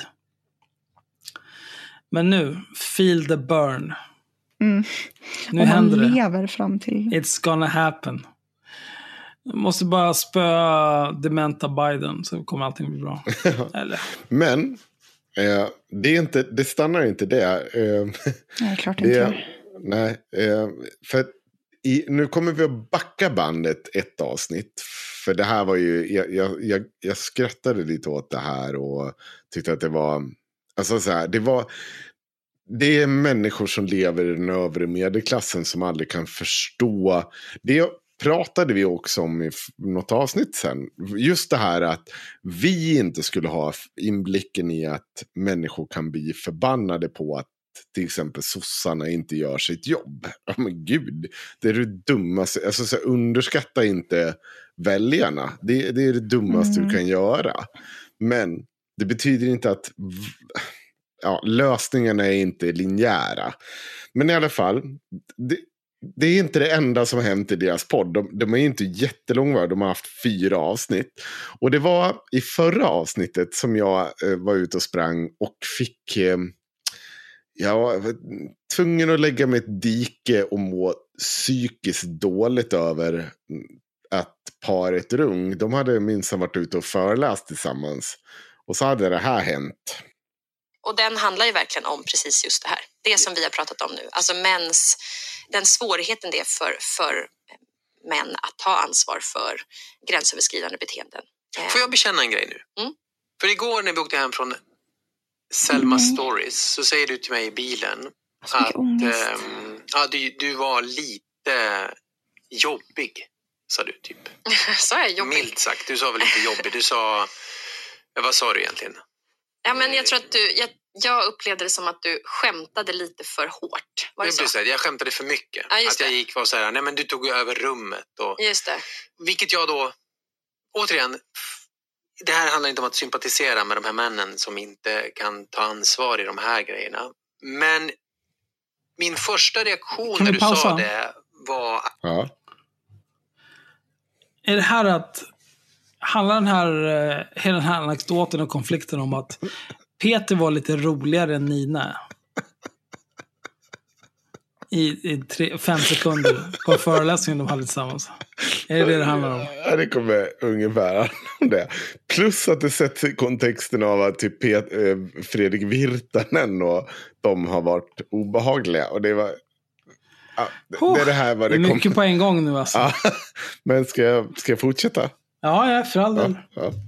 Vända mig emot det, att inte vilja kännas vid det. Mm. För att jag, som jag sa till dig, vadå, jag uppfattade det som att vi hade roligt ju. Mm. Vi, var ju ett, vi, hade ju, ett- vi var ju ett roligt gäng och jag bjöd på lite humor och vi hade skoj. Mm. Det var du, jag, det var Attila, det var Kan ni Karin, tänka er Kajan. hur det är Det var väl typ när fyra. Peter Rung Mm. bjuder på lite humor? Nej. Vänta, vänta, vänta, vi backar det där bandet. Du? Kan, ni, Ja. kan ni bara föreställa er hur det är att Ah. vara i ett sammanhang där Peter Rung ska bjuda på lite humor?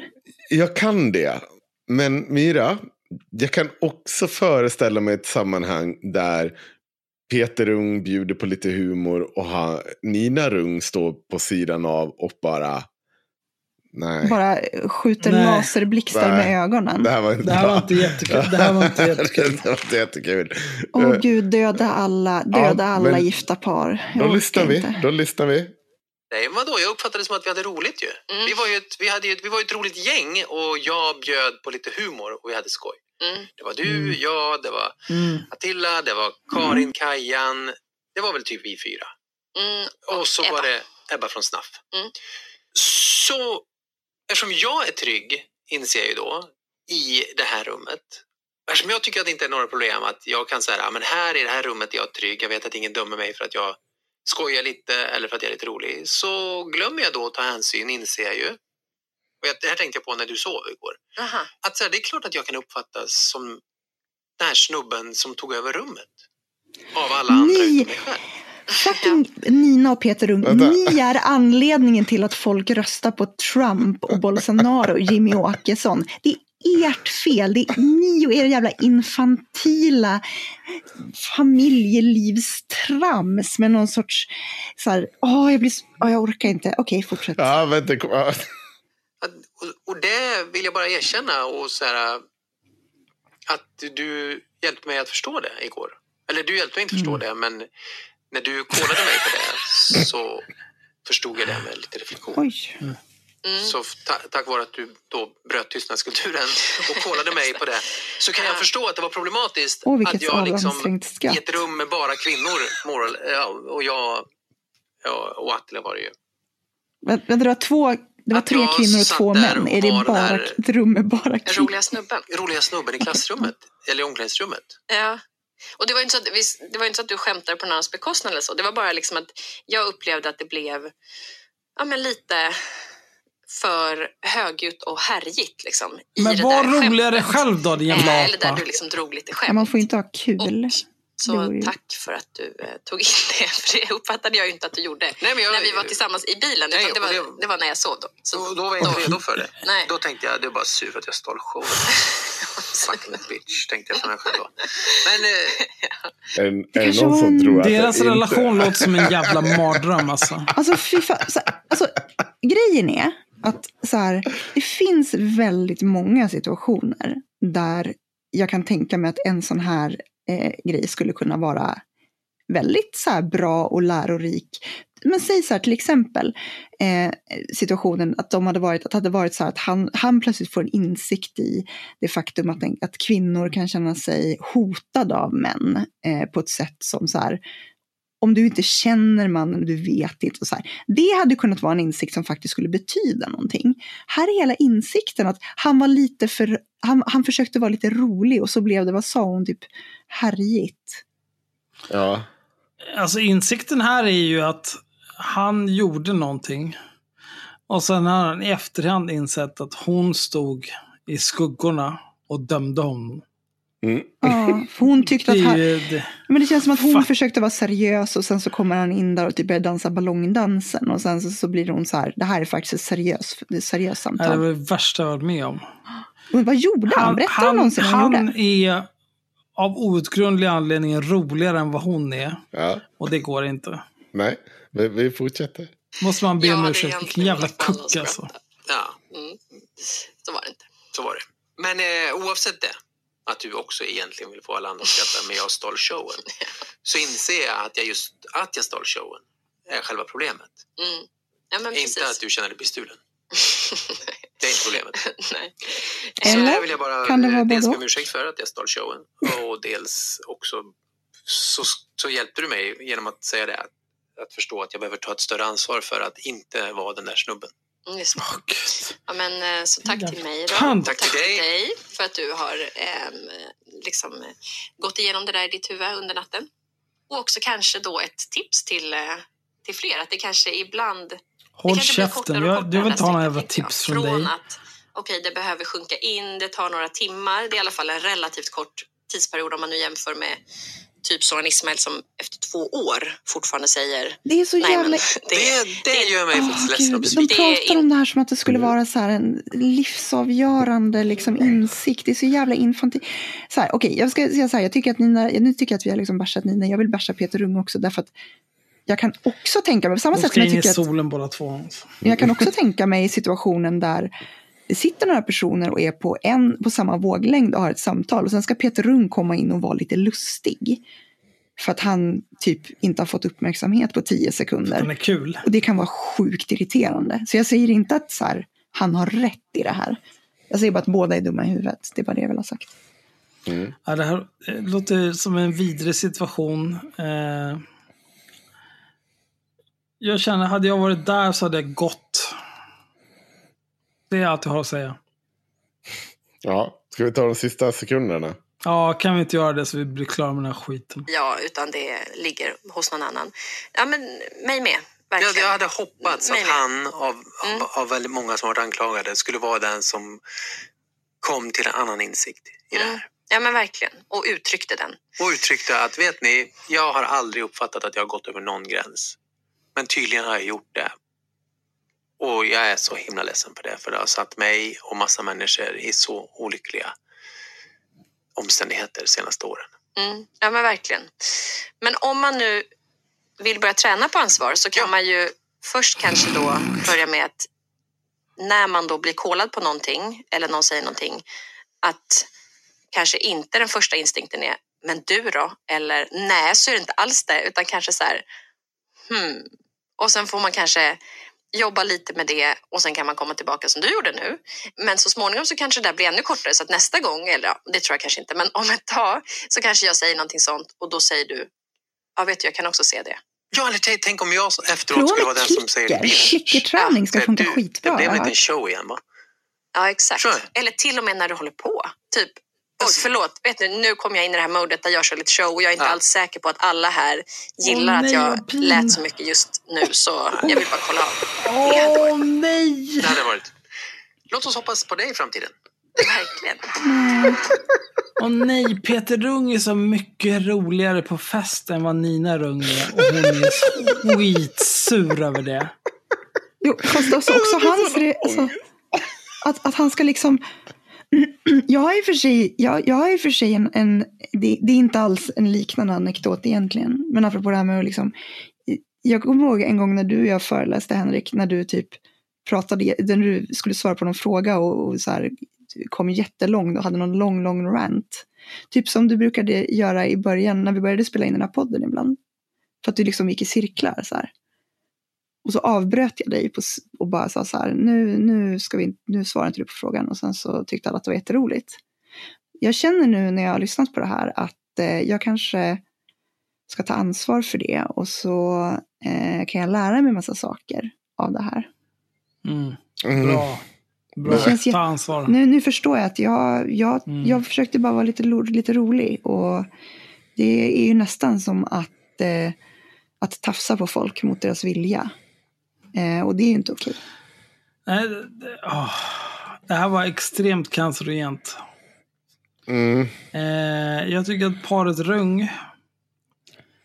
Jag önskar att jag kunde betala för enkelbiljetter till solen. Men jag, har- jag är inte riktigt där än. Men inshallah nästa år. Då kan jag ju skicka dem. Det här var det dummaste jag Och hört. för att vi ska kunna skicka paret Rung till solen, vad behöver vi då för någonting? Behöver fler patrons. Kan du berätta mer om det Axel?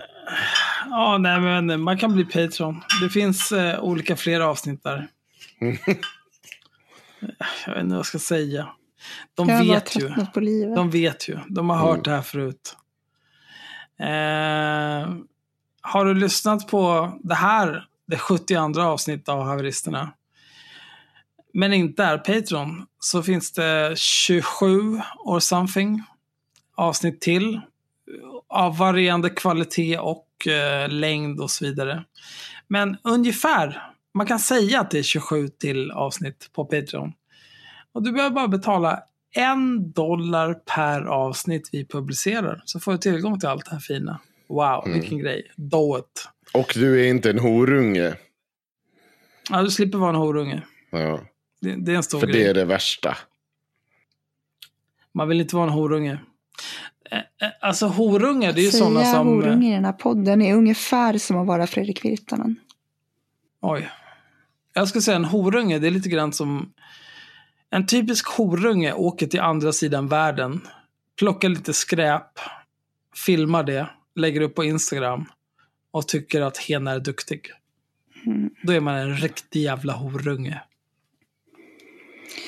Ja, Men hörni, innan vi lägger på för ikväll så har vi också en sista herre att återbesöka. För att nej. idag Eh, nu har det visserligen gått över. Nu är klockan 02.14. Axel är packad. Jag är inne på, jag vet inte vilken whisky det är. Myra är en fitta som sitter och inte dricker Oj. någonting. Eh, och alla behöver ta avstånd. ansvar för vad vi säger till avstånd. varandra. I alla fall. Extremt to- tråkig ton. Ja. Men innan det här. Eh, vi pratade ju tidigare om att vi skulle göra någon typ av livepodd. När ska vi göra det? Ja, jag vet inte. Ska vi det? Nästa helg? Nästa lördag? Jag lugnar ner nu. Jag ska flytta på torsdag. Jag kommer spendera hela helgen med att ställa i ordning olika saker. Vi kan göra på lördag nästa vecka om det passar för er. Myra? Jag tror att det bästa är om jag gör en egen livepodd. Därför att jag inte är så bekväm med att ni ska komma dit och göra det härjigt. Så att Oj. det förtar den seriösa tonen av det jag försöker förmedla. Ska du ha horor och blackjack i din livepodd? Mm. Men ska vi bestämma nästa lördag? Jag, jag, jag har för ont i huvudet Alltså, för det här. Jag, Lördag. Säkert. Vi kommer, vi kommer lördag den 11. Lördag 11 april. Ska vi göra en livepodd då? Det tycker jag. Det tycker jag. Myra, Myra, Myra, Myra, Myra. Ja, visst. Jag har inga åsikter Ja. om någonting. Jag vill, jag, vill bara, Mm. jag vill bara att mitt liv ska ta slut någon gång. Ja, jag känner detsamma faktiskt. Mm. Det blir en livepodd eh, den eh, lördag den 11 april endast för patrons. Så tro inte att du, din jävla horunge som inte betalar, Va, har vi bestämt någonting. det? När bestämde vi det? Nu! Vi bestämde det alldeles Nu, nyss. nu, nyss. Jag tror att vi behöver ha en två timmars publicistisk diskussion om det här. Nej. Nej, nej, nej, nej, nej, nej, nej, Nej, okej, nu passar det inte. Nej, okej. Mm, nej, men det är bra. Det känns, det känns Ja, fint. nej. Ja, men ska, ska, vi, ska vi göra det eller? Lördag. Ja, för all del. Jag behöver Nästa, nästa, nästa lördag, lördag 20.00. 21.00. Åh, Gud. Ja. Mm. Folk behöver värma upp. Folk behöver ha det nice. Mm. Men då tar vi, eh, innan dess, så tar vi ett sista ämne. Ja. Sista super-CP. På, på Super-CP. det efterfrågade. Vad ska man säga? By, inte by popular demand, men av. Kyene. Kyene. Malcolm Kyene. Eh, och jag tänker hoppa tillbaka eh, en tid. Eh, jag vet inte om vi nämnde det här i förra eller för, förra avsnittet. Ingen aning. Men i alla fall, det är väl värt att läsa upp nu. Kan, kan inte jag få läsa den? Jo, det Kan kan, du det absolut. Jo, det kan du få. Du kan få. Den är så jävla dum. Han är så jävla pantad. Nah, pantad är han inte. Han, kommer till viss del ha rätt. Men han kommer också ha Mm, jättemycket kommer han fel. det? Nej, Ja. men Så problemet är ju framförallt att han är... Problemet är att han inte lever i verkligheten. Den här gången är inte problemet att han är pantad liksom. Utan problemet är att han... Han... Eh, han lovar lite för mycket. Det är det som är Mm. problemet. Precis. Han lever inte riktigt i verkligheten. Han lever i en Nej. fantasybok där allting är, jag vet inte ens. allting är Sovjet på crack. Det ja, men det, man... det, det känns som att hans syn på Sovjet och samhället steampunk. är, är lite världsfrånvänd så tillvida att den är liksom inte självupplevd utan den är bara akademisk, skulle jag säga. Alltså man kan väl säga så här. Man kan sammanfatta det här med Random retard har en massa åsikter om hur eh, virus som utvecklats till pandemier utvecklas i olika länder beroende på hur, vilka åtgärder de länderna tar. Det här är- beskriver ju literally alla idioter på internet de senaste månaden. Ja, 100 procent. Och det här beskriver också alla idioter på internet oavsett vad det gäller för fråga. Just nu handlar det om corona. Men det kan handla om precis vad som helst. Det finns alltid en Stefan 53 som kan en hel del om det här. Extremt snabba solglasögon. Stef, Stef, Stefan 53 har också bestämt sig för att karantän och eh, stäng, stängning av gränserna, det har varit en rimlig åtgärd sen ungefär mitten av februari eh, när den personen hörde talas om corona. Och då, då skulle det lösa hela situationen och Sverige skulle gå osmittad ur den här världspandemin. Absolut. 100 procent. Mm. 100 Vi procent. kan ju också göra som den där fake newsen om Nordkorea. Att vi bara skjuter av alla som får corona. För då dör de inte av corona. Då får vi Mm. noll Det döda av corona. problem. Nej, du dog av kulor. Tråkigt. Eh, det här är då en eh, publikpost av Malcolm Chyene som är postad den 14 mars. Malcolm Scheene skriver för Dagens Samhälle. Han har skrivit för en massa olika Göteborgs-Posten. Eh, han är nu också med i Sverigedemokraternas eh, tankesmedja eh, Husneger. Heter den så? Eh, ja, det, det är den svenska översättningen av Oikos. Ja, så det, ja, det. Är det Husneger? Är det då? Ja, jag, jag tror det. Ja, för att det. det är inte så att jag kallar han Malcolm för Husneger. Utan jag menar bara att han ingår i din Nej, tanke... men det, det, tankesmedjan Smedjan. eh, Oikos, Oikos är grekiska för husneger. Är det, ja, bra. Då, Som jag har förstått hade ett- Ja, bra. Jag, jag vet inte. Ja, jag, ja, jag, jag, jag kan inte gammal grekiska. Jag kallar inte Malcolm det, men jag, inte Nej. jag heller. Gud vad duktigt. Mm. Jag, jag, jag skulle inte gå så långt som att kalla Malcolm för husneger bara för att Inte han deltar i Oikos. Men han är en horunge. En horunge av rang. Alltså. En riktig jävla horunge. Ja, pajas. Fy fan alltså, vilken jävla clown. Jag tror att vi konstaterade redan i typ avsnitt två eller någonting att, eh, att kalla någon för husblatte eller liknande är extremt jävla rasistiskt. Det beror väldigt mycket på kontext och intention skulle jag säga. Mm. Jo, jag håller med. Är, jag har inget problem med det. Jag tror till och med att mitt argument var så här eh, också. Att det en, finns en skillnad på att säga att någon är eh, en, liksom, eller kukvurmare, om man ska säga vad vad liksom jag blir kallad. För kallar du någon för det så, så, till, så tar du ifrån dem all agens. Det du däremot måste kunna göra utan att bli anklagad för rasism är att säga att det finns ohederliga människor som kommer att använda människor som alibis. Och det är inte deras fel. Jo, men då tar man också ifrån dem deras agens. Nej. Jo, det, om, om, man, om vi ska leka så här att Malcolm bara blir utnyttjad av eh, Mattias Karlsson. Det är precis, nej men alltså det, det, det alltså så här, säger jag att han är, eh, att han är en husneger för Sverigedemokraterna så är, innefattar ju det att han på något sätt skulle ser, serva dem liksom och vara undergiven dem. Däremot om jag säger till exempel, eh, säg att jag argumenterar eh, mot porrfilter och jag har en motivation för att göra det som är min egen och kommer från min egen agens. Och sen så sitter någon jävla runkgubbe i Småland och lyfter mig och säger ah, så här, här finns det en kvinna som säger att man inte ska förbjuda porr. Hon säger att hon är feminist. Alltså betyder det här att jag har rätt. Då har han utnyttjat mig som ett alibi. Men jag har ju fortfarande haft agens i det jag gjort. Det är, det är ju han som är ohederlig i det. Förstår du? Jo, absolut. Men eh, Malcolm Chyene har ju av, av egen fri vilja valt att delta i tankesmedjan Oikos. Ja, det är korkat. Som är kopplad till, eller som, som är startad av Mattias Karlsson. Som är personen som har skrivit eh, Sverigedemokraternas principprogram. Och Sverigedemokraterna är ett fascistparti. Vad kallar man stövelslickare då? Han är en husneger. Han får vara det, det är fine. Jag skiter i det. Du gör dig familj. Känner du att det här är det bästa för dig, fucking do it. Jag skiter i det.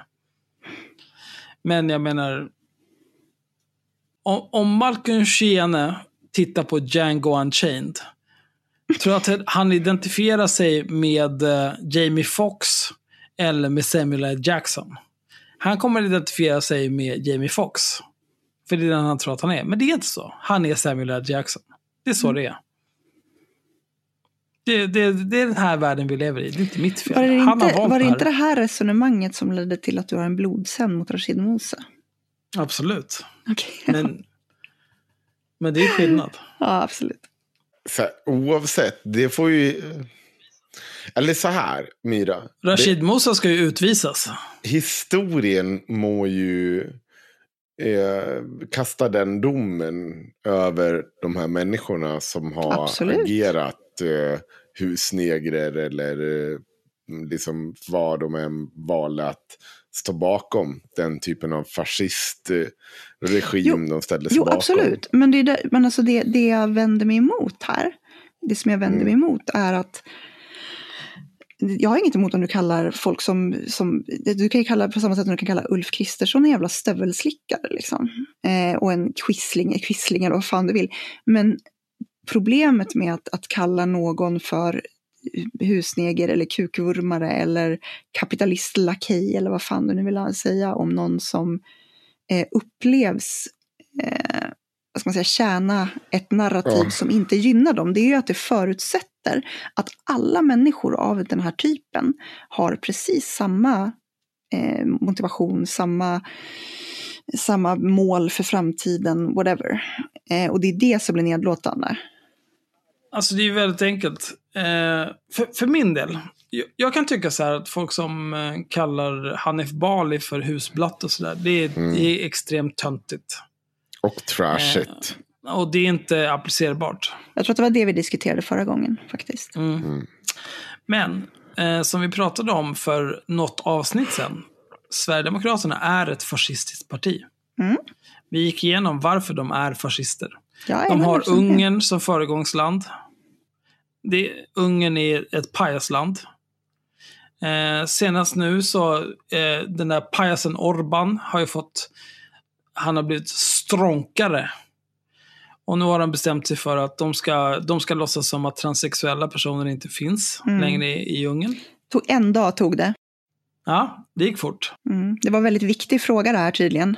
Alla 1% transpersoner. Det är Ungern som är Sverigedemokraternas blueprint. Ja, alltså jag, jag argumenterar absolut inte emot att Sverigedemokraterna är nyfascister. Det, Ja, nej, nej. det jag möjligen skulle Nej, men jag, argumentera jag emot. kommer till var, Okej. varför Mm. Malcolm är en husneger. Mm. Sverigedemokraterna är ett fascistparti för de har Ungern som föregångsland. Ungern är ett u-land, en jävla diktatur. Mm. Oikos är en tankesmedja startad av Mattias Karlsson som har skrivit Sverigedemokraternas eh, principprogram. Eh, förmodligen gjort allt heavlifting när det kommer till att skriva saker med tanke på att alla andra är, är mongolider i det där gänget. Jimmy, Björn Söder och så vidare. Kenta, det är bara apor. Mm. Eh, och de vill ju gärna låtsas som att det här, men det, här har, det här är en oberoende tankesmedja, det har ingenting med Sverigedemokraterna att göra. Nej, ungefär, okej. som, ungefär som deras tidning Samtiden är en oberoende Ja. tidning. Jo, men det är så här, väx upp. Det är ingen som tror på det där. Och då, om man som eh, någon typ av svartskalle tänker att så här, nej men de här, de här människorna, de är mina vänner. De här vill jag alliera mig med.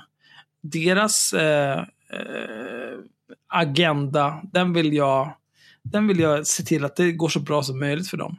Du är en husneger. Det är fine. Du får jättegärna vara en husneger. Jag skiter i det. Här kommer min invändning då. Ja, unna dig. Min invändning till det här är att Sverigedemokraterna är helt klart ett fascistparti.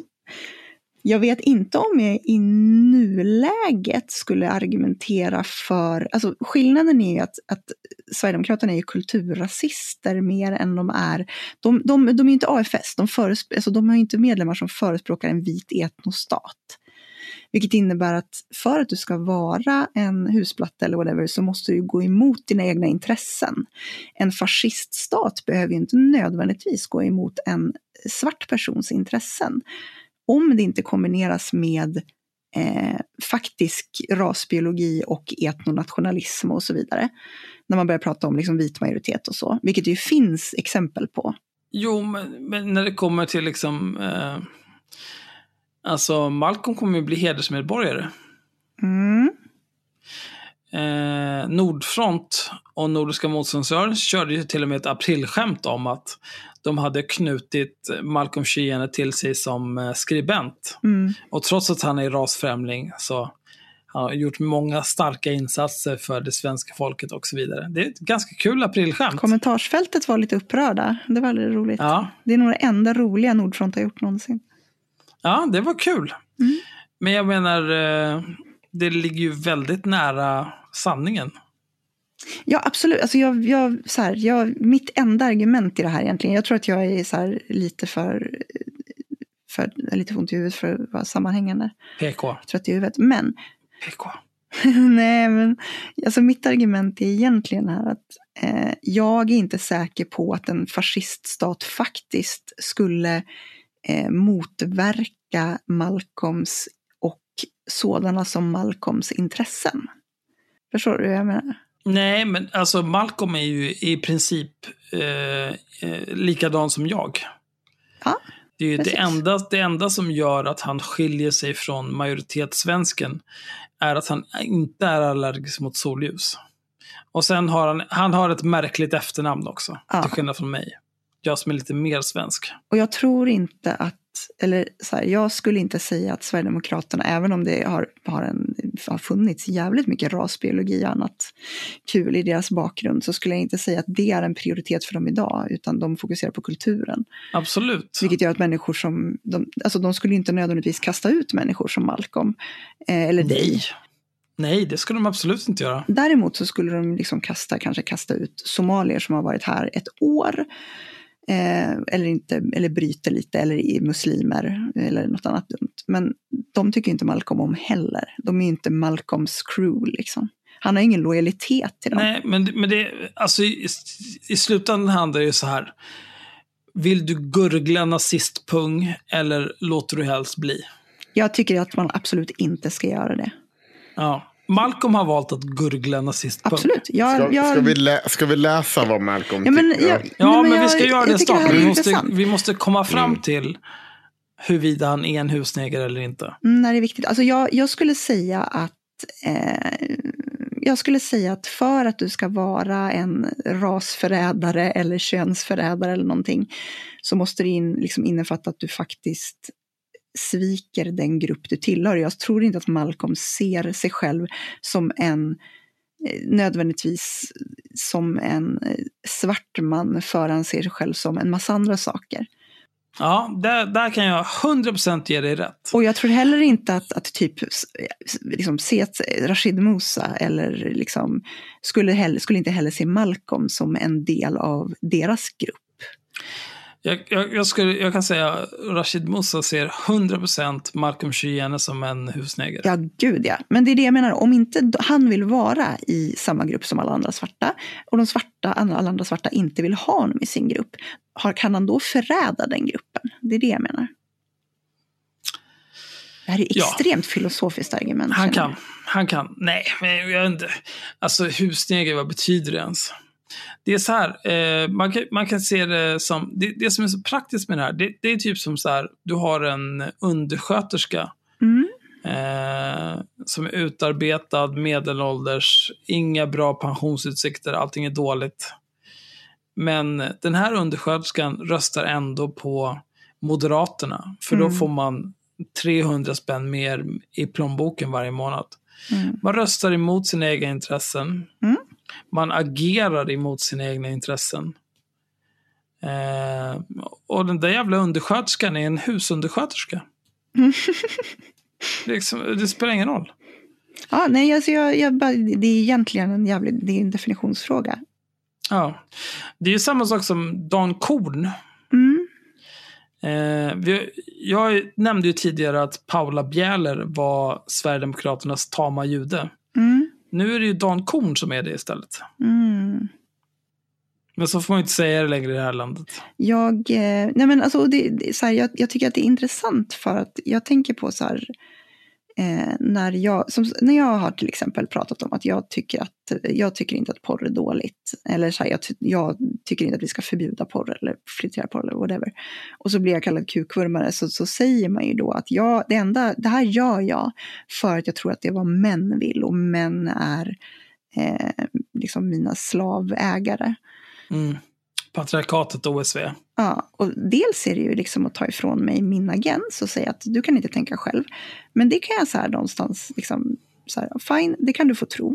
Men det är också att bort, bortse från alla argument som jag faktiskt lägger fram om varför det här är en bra grej för kvinnor specifikt.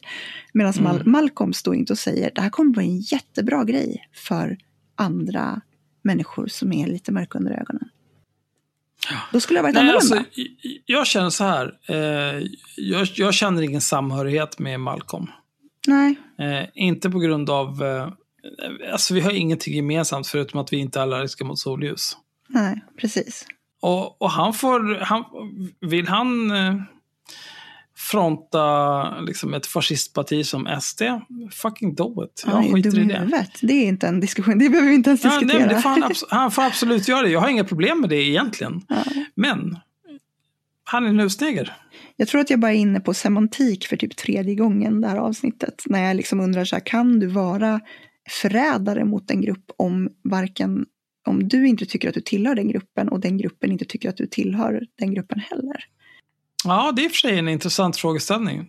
För att alltså hela husnegerkonceptet så som folk förstår det, Mm. det är ju att Du förräder din egen grupp. black people, vi Mm. har ju någonting. Vi, vi, har, vi har en eh, gemensamhet som ingen annan kan förstå, ingen annan kan inkräkta på, ingen annan kan bli en del av och den kan aldrig brytas. Men så är det ju verkligen inte. Ja, men det är som systerskapet liksom. Det, som all, det det alltid handlar om, det är ju klass. Klass. Ja, och kultur till viss del. både Malcolm och jag är ju från eh, sprungna ur övre medelklass. Mm. Eh, och att vi skulle ha någonting gemensamt med till exempel någon eh, andra generations invandrare, somalier som bor i Rinkeby. Det är ju ett skämt. Vi har inte det. Vi har ingenting gemensamt med den personen. så, så kan ni förräda den personen eller människor som tillhör eh, samma grupp av personer. Om ni skulle till exempel rösta på ett parti eller företräda ett parti som agerar emot deras, eh, eller deras bästa men inte ert. Jag skulle säga att man får se det som att, eh, i och för sig, alltså, husneger betyder ju egentligen ingenting. Eh, man får se det som så här. Om, om Malcolm tycker att eh, Sverigedemokraterna det är en bra grej, då röstar han mot sina egna intressen. För att när de väl har kastat ut alla som är för svartskallar, Mm. det, det kommer ju vara han som åker ut förr eller senare. Antingen för att han är svartskalle eller för att han är autist. Liksom. Jag, jag, så, Så jag, är ju. Jag, alltså jag, jag vill tro, och jag menar, det finns ju säkert det finns ju gott om historiska exempel på att det är naivt att tro det, men jag vill ändå tro att eh, Sverigedemokraterna skulle akta sig för att faktiskt börja prata ras på det sättet. De gömmer sig ju bakom muslimgrejen. Eh, de gömmer sig bakom kulturen.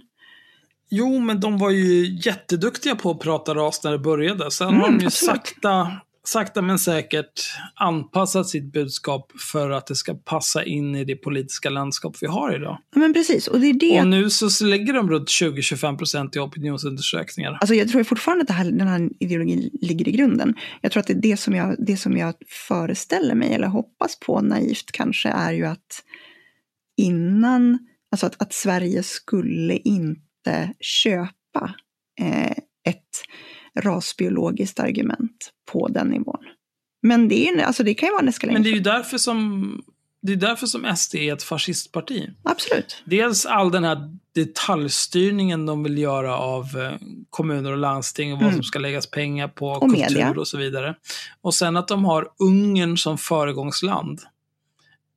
Ett land som nyligen slutade vara en demokrati. Mm.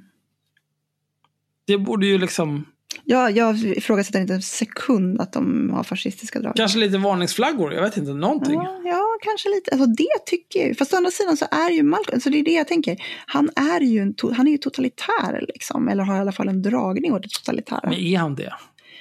Alltså jag, jag, han, jag tror, ja det tror jag. Eller så här, jag, men han har ju, men det är lite grann som, du vet typ alla de här, ehm, det finns ju någon sorts, det är någon så här delusions of grandeur hos, speciellt tror jag, liksom lite yngre män som röstar på, eller liksom företräder fascister.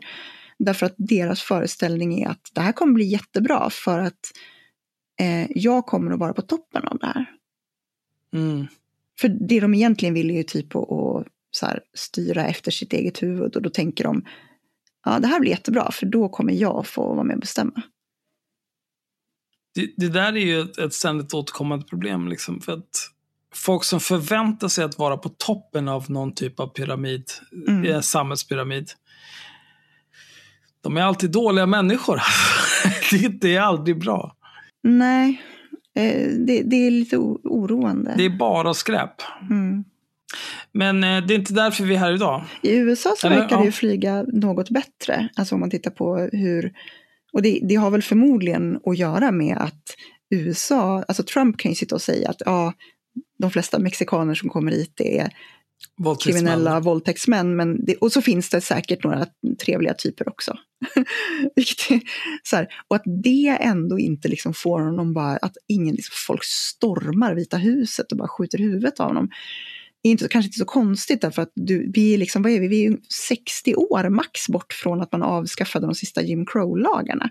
Liksom, Mm. USA har en ganska nära historia i, i nutid om att, att liksom accepterad strukturell laglig rasism mot svarta. Eh, och i Sverige har vi, har vi inte samma historia. I USA så är det ju eh, ett återkommande argument där är ju när Obama blev vald. Då är Mm. det så här, nu finns det ingen rasism längre. Ja. Det är ju återkommande, det, det är ju extremt efterblivet men, men det finns ju folk som tycker det. Mm. Och det finns ju människor i USA som är liksom extremt rasistiska. Mm. Men som samtidigt tror att de inte är det minsta rasistiska. Och det finns säkert sådana människor i Sverige också. ja, herregud. Det finns jättemånga. Och det, det är ju, jag vet inte, jag, tror inte jag, jag har ingen lösning på det i nuläget förutom solen. Men Ja. Nej, men jag tänker på liksom skillnaden, med, skillnaden på att eh, jag tror att i Sverige, om vi säger så här, börjar man prata rasbiologi så är det ju alla, liksom, ju mörkare du är Hörni, desto hörni, mer hörni, kommer det hörni, kastas hörni, ut. Ja. Ska, ska vi försöka ta oss in på det vi sa att vi skulle gå in på? Ah, Ja, men jag, får, jag, får jag bara så avsluta min tanke ja, om kör, kör. varför jag tror att det skulle vara svårare att sälja in rasbiologi i Sverige. Det är för att vi hade faktiskt, för, alltså det finns människor idag som är i pensionsålder idag som faktiskt liksom levde på tiden som det fortfarande fanns rasbiologiskt grundade lagar som sa att svarta och vita människor var olika. Eh, vilket vi inte har haft i Sverige. Vi har inte, inte just med svarta, Nej, samer bara. Ja, precis. Men, men det är liksom inga... det- SD kommer inte bry sig, de har inget intresse av att rasbiologisera ut samer ur landet. Nej, samer är ju inte svenskar ändå, så det spelar ingen roll. Nej, precis, de vill ju inte vara det. Nej. De har ju valt det. Men, men liksom, jag tänker att medan i Sverige så har ju vi, vår historia med svarta människor har ju faktiskt varit liksom, de, de första svarta människorna som folk kom i kontakt med har väl ofta varit adopterade. Till exempel, därför att vi har inte haft särskilt många Jag har ingen aning. Men jag gissar, nu, jag spekulerar nu, för vi hade ju inte liksom jättestor invandring från något land med svart, in, med svart befolkning. Eh, så att, jag vet inte. Jag tänker att det finns liksom en annan, vi har svårare att köpa rasbiologibegreppet för att vi har liksom aldrig haft det mot svarta i Sverige historiskt. Gillar man rasbiologi så borde man eh, klicka på follow på Tobias Hübinette Mm. på Facebook. Han skriver mycket om ras. Mm. Det är kul.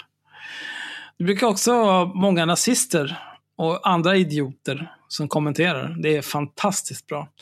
Men nu ska vi prata här om vad Malcolm eh, Chyene skrev den 14 mars klockan 11.01. Flattening the curve är en önskedröm. Särskilt i ett land med Sveriges begränsade intensivvårdskapacitet.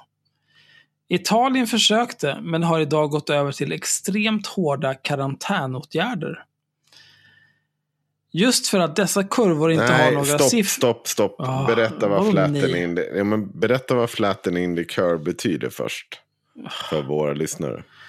Herregud. Men vänta, nej, nej. Sucka inte när ni har eh, spenderat 20 minuter vid ett sidospår. Men du har ju bara suttit och gjort och- ingenting, din jävla fitta. Förlåt att vi hade Det här en bra intressant ideologisk diskussion. Ja. Men okej, flattering the curve handlar om att, i, om man ska liksom hårdra det, så handlar det om att man vill ha man vill inte stänga in folk och isolera folk och sen så släppa på den karantänen för då kommer alla gå ut och bli Nej, sjuka på nej, nej, nej, Men nej, nej, låt nej. mig prata klart.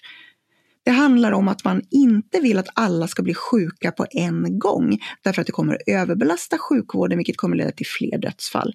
Istället så vill man att på ett, på ett kontrollerat sätt få människor att hålla sig inomhus till exempel.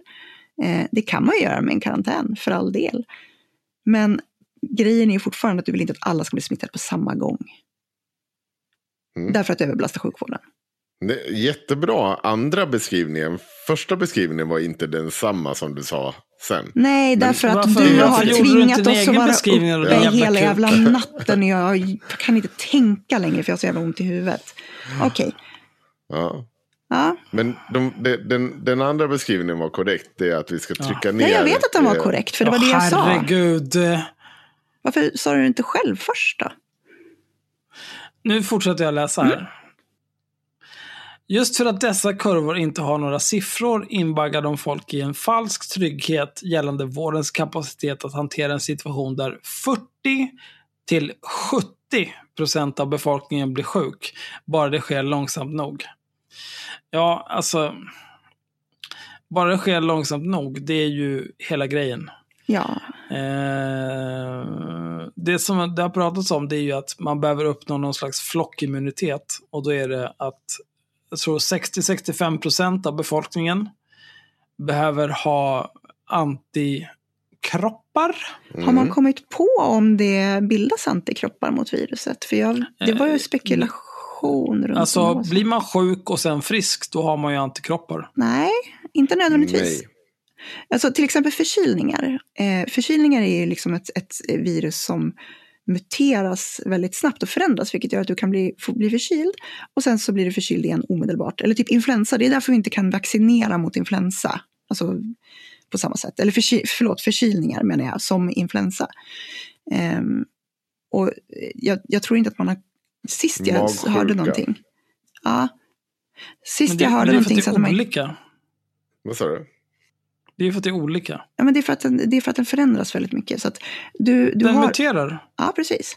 Så att du bygger Ja. upp antikroppar mot den version du får. Men sen när du, kan du få det igen med en lite annan version.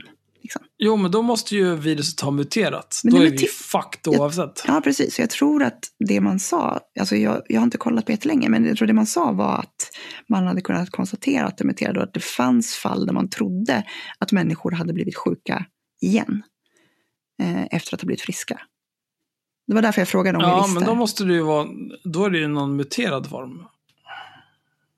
ja, Så som jag förstår att virus fungerar i alla fall. ja, Men det finns säkert någon fantastiskt utbildad människa som kan skriva någon idiotisk kommentar på Patreon eller i vår grupp och berätta Mm. allt om det här. mm. Ja. Gud vad jag inte Eh, kommer läsa den. Ja, får, jag, får jag då hoppa in och Undrar säga det. så att det finns vissa sjukdomar som vi blir immuna mot och det finns vissa som vi inte blir immuna mot. Virussjukdomar allihopa eller? Det kan jag inte svara på. Och jag tänker inte ens försöka. Men det, det, jag kan bara konstatera att så är fallet. Och att eh, när man har pratat om eh, huruvida eh, covid-19 är en sån eh, sjukdom som man blir immun mot. Så har man sagt att det vore anmärkningsvärt om det inte vore så. Ja. Mm. För, att det, för att det är ett virus. Ja, sen får WHO Du får ett virus, sen blir du immun. Ja, precis. Som du bara fortsätt läs. Ja, eh, jag vet inte, jag skulle jättegärna göra det, men ni bara... eh, Ni kan en hel del om epidemiologi hela. Jag förstår ingenting. Nej, Men har man jag kan. ens en grundläggande servettskiss på siffrorna ser man att vården kommer bli överrumplad oavsett hur långsamt man tar det. Jag skulle jättegärna vilja se den här servettskissen. Mm. Jag tror att det är en graf med en, eh, en kurva som inte är platt. Vad jag tror att det är. Mm. I Kina löste man problemet genom extremt hård karantän så att enbart en liten del av Kina drabbades av en överrumplad vård. Varpå resten av Kina kunde koncentrera nästan alla sina resurser där. Ja, eh, Mm. Ja, mm, okej. Alltså det de gjorde i Kina, det var ju... Jag, jag vet inte om... Först låtsades som att så här, nej men det här är ingen grej. Det här är ingen grej. Nej men det är inget problem. Det är lugnt, vi har en... Nej, nej, nej. Skjut alla som pratar om det här. Det blir bra. Jag, jag vet liksom inte om man ska hålla Kina som ett föregångsland när det är Kina som hela tiden skickar ut de här jävla virusen till att börja med. Tråkig rasism. Tråkig rasism. Jag tar avstånd. Sa jag Jag med. kineser eller sa jag Kina? Kan man vara Ja, rasistisk mot ett land? sak. Det här var Mm. förra gången eh, vi pratade om det här så var det just det här Malcolm sa att vi skrattade åt att det var från Kina och eh, we're kind of racist.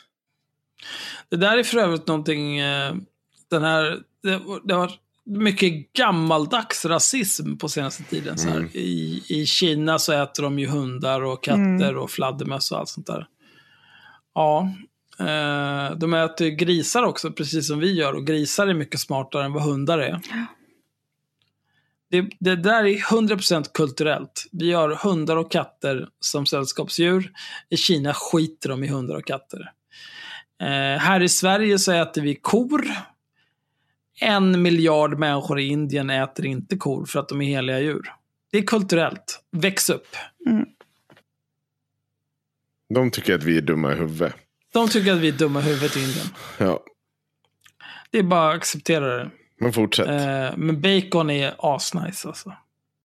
I Kina löste man problemet eh, genom en extremt hård karantän så att enbart en liten del av Kina drabbades av en överrumplad vård varpå resten av Kina kunde koncentrera nästan alla sina resurser där. Det stämmer ju. De satte ju Wuhan i karantän. De byggde ett gäng sjukhus där. Två eller tre sjukhus på en vecka.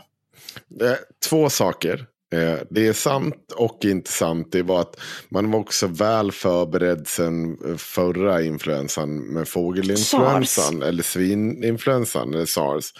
Eh, Så de hade redan gjort de här speciella sjukhusen. De hade redan dem på plats. Så de var förberedda på det sättet. Så det är lite orättvist. Fan, var sjukhusen redan byggda? Ja, de var redan förberedda. Alltså, de hade ju sådana här till olika typer av... Det är väl någon typ av fältsjukhus. Så att, Ja, De hade en, en legobyggsats som de kunde ställa upp precis. var Så som de helst. kunde Ja. bara göra om det här. Det var väldigt enkelt. Forsla dit, bygga upp. Ja. Ja. Jo, men Kina är ju överlag extremt bra på att bygga fort. Men i, i talande stund så ska vi också vara väldigt försiktiga med om Kina verkligen är, har klarat av det här. Eh, för att det här var tre veckor sedan Malcolm skrev det. här var den 14 mars han skrev det här. Och nu har vi rapporter om att det har börjat om i Kina. Mm. Ja, det är klart det har det. Det är någon dum jävel som har åkt någonstans och, och aidsat ner alla andra. Ja, Det är så det blir. Det finns ju en anledning till att digerdöden dödade två tredjedelar av Europas befolkning, men inte så mycket mer. För Nej. att folk kunde inte ta sig någonstans på den tiden. Nej. men fortsätt. Man bara, man bara tvärdog. Men trots att epidemin bara härjade i ett begränsat område krävdes det enorma ansträngningar från den kinesiska staten för att få bukt med sjukan.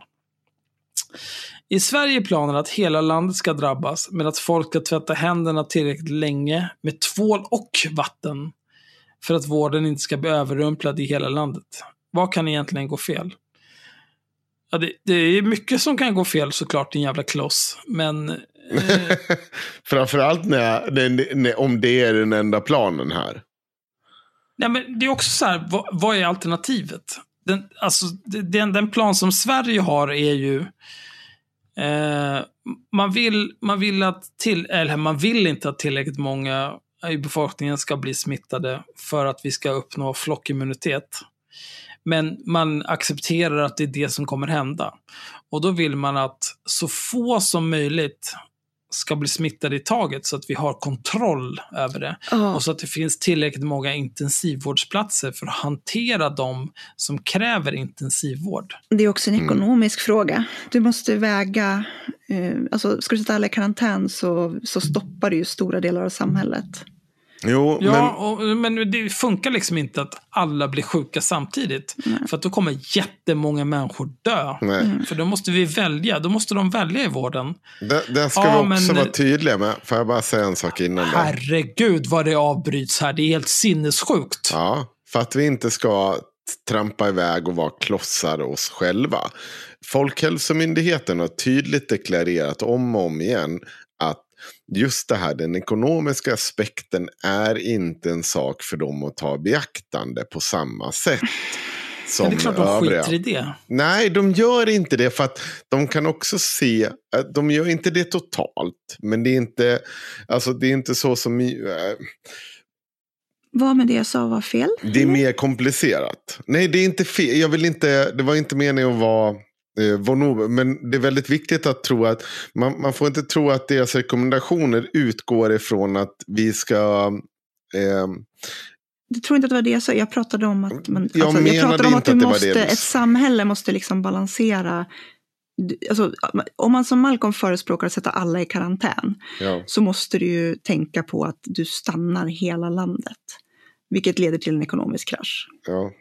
Det var vad jag, vad jag var ute efter. Inte att Folkhälsomyndigheten men det är väl inget, inget annat land som har satt hela landet i karantän? Jo, Vilka då? Italien är väl satt helt i karantän. Italien är ett jävla u-land. Men det är väl något av de nordiska länderna också. Vänta. Vet du, Italien, Italien var på tyskarnas sida under andra världskriget. Eh, Nordland i Finland så har man ju stängt av att du får in och utresor ur, eh, ja, men typ runt huvudstaden i Helsingfors. Jag vet inte den regionen de har. Men där är det ju återigen också kulturella skillnader. Ja, Men jag tror inte att det handlar om att skylla på... Läs texten igenom. Förlåt. Det, jag, ja, du- du jag bryter. Va? Läs texten igenom. Nej men, nej, men det handlar ju om liksom i Italien. Mm. Om du säger åt folk så här, stanna hemma, ni kommer sprida smitta. Det är ingen som bryr sig.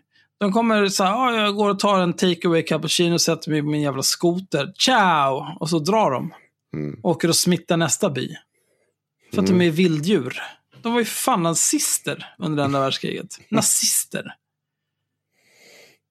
Ja, jag, jag tror att det är både och. Alltså så här, det här med misstron mot staten handlar ju om väldigt mycket att staten in, precis har varit fascister en gång i tiden. Eller eh, ja, de har liksom inte skött sånt här på ett bra sätt sen tidigare. Men sen är det ju hundra andra eh, Ja, det finns ju otroligt många variabler. effekter som att trångboddhet, alltså så att du bor ihop med din familj, du träffar dina eh, äldre släktingar mycket oftare än vad vi gör i Sverige. I Sverige, to be fair, som kulturellt så är det ju sätt mormor på ett hem, besök henne runt Vill påsk, se henne igen. runt jul. Liksom sen, den där jävla haggan, hon, hon har utspelat, ja, Hon, kan sitta där och skämmas. Det är toppen. Men det är jättebra för då samlar vi alla i riskgrupperna på ett ställe. Ja, men, Perfekt. men det är ju det som var också problemet i Italien i mångt och mycket. Att man, i- alltså, så de var ju verkligen samlade på ett och samma ställe. Tillsammans med den yngre generationen som reste på sig och, och sprang runt överallt. Och så sprang runt ner på byn och Ja. betedde sig. Kommer hem med corona och bara Ja, det- dödar sina mor och farföräldrar. Och det, det är när man tittar så här, ja fan Finland har klarat sig så bra, de har så bra krisberedskap. Ja, men det är för att de är, de har haft det lite knepigt liksom med ryssjäveln. Sovjet har varit där hela tiden. Kalla kriget, finska vinterkriget. De är vana vid det här. De, de vet att det kan liksom, det, det är liksom folk, det finns massor av människor som lever idag i Finland och minns den där skiten. De har, de har en, helt annan, en helt annan syn på vad beredskap är för något. Jag vill i alla fall brastkläppa allt det jag har sagt med att jag har ingen aning om vad jag pratar om. Lyssna inte på mig för fem sekunder. Jag kommer ha en massa åsikter här. Men se mig som Hanif Bali. Jag bara säger saker. Jag kommer, det där skiten kommer vara raderat. Precis som när jag tippade Melodifestivalen. Hanif Bali har aldrig raderat något. Jo, han har raderat. Jag Han saker han har raderat. Inte? Jodå, han har raderat. Jag trodde, att han, jag trodde att han var en riktig baler och Ja, bara, nej, nej. nu kör han, vi. Han har raderat. Men ska vi, vi läs, läs vidare. Eh, bla, bla, bla, bla, bla. Sverige kommer vara ett helt annorlunda land om mindre än en månad. Mark my words. Två skäl. Ett. Vården kommer, precis som i Italien, att ha blivit totalt överrumplad. Två. Vi kommer för sent, som vanligt i Sverige, att tvingas göra precis som Italien och försöka gå över till hårdhänt containment i ett läge där effektiviteten på våra åtgärder kommer vara mycket mindre än vad de hade varit om vi agerat proaktivt. Bold words. Mm. Den tveksamma gör gott i att screenshotta detta så vi kan återkoppla om en tre veckor.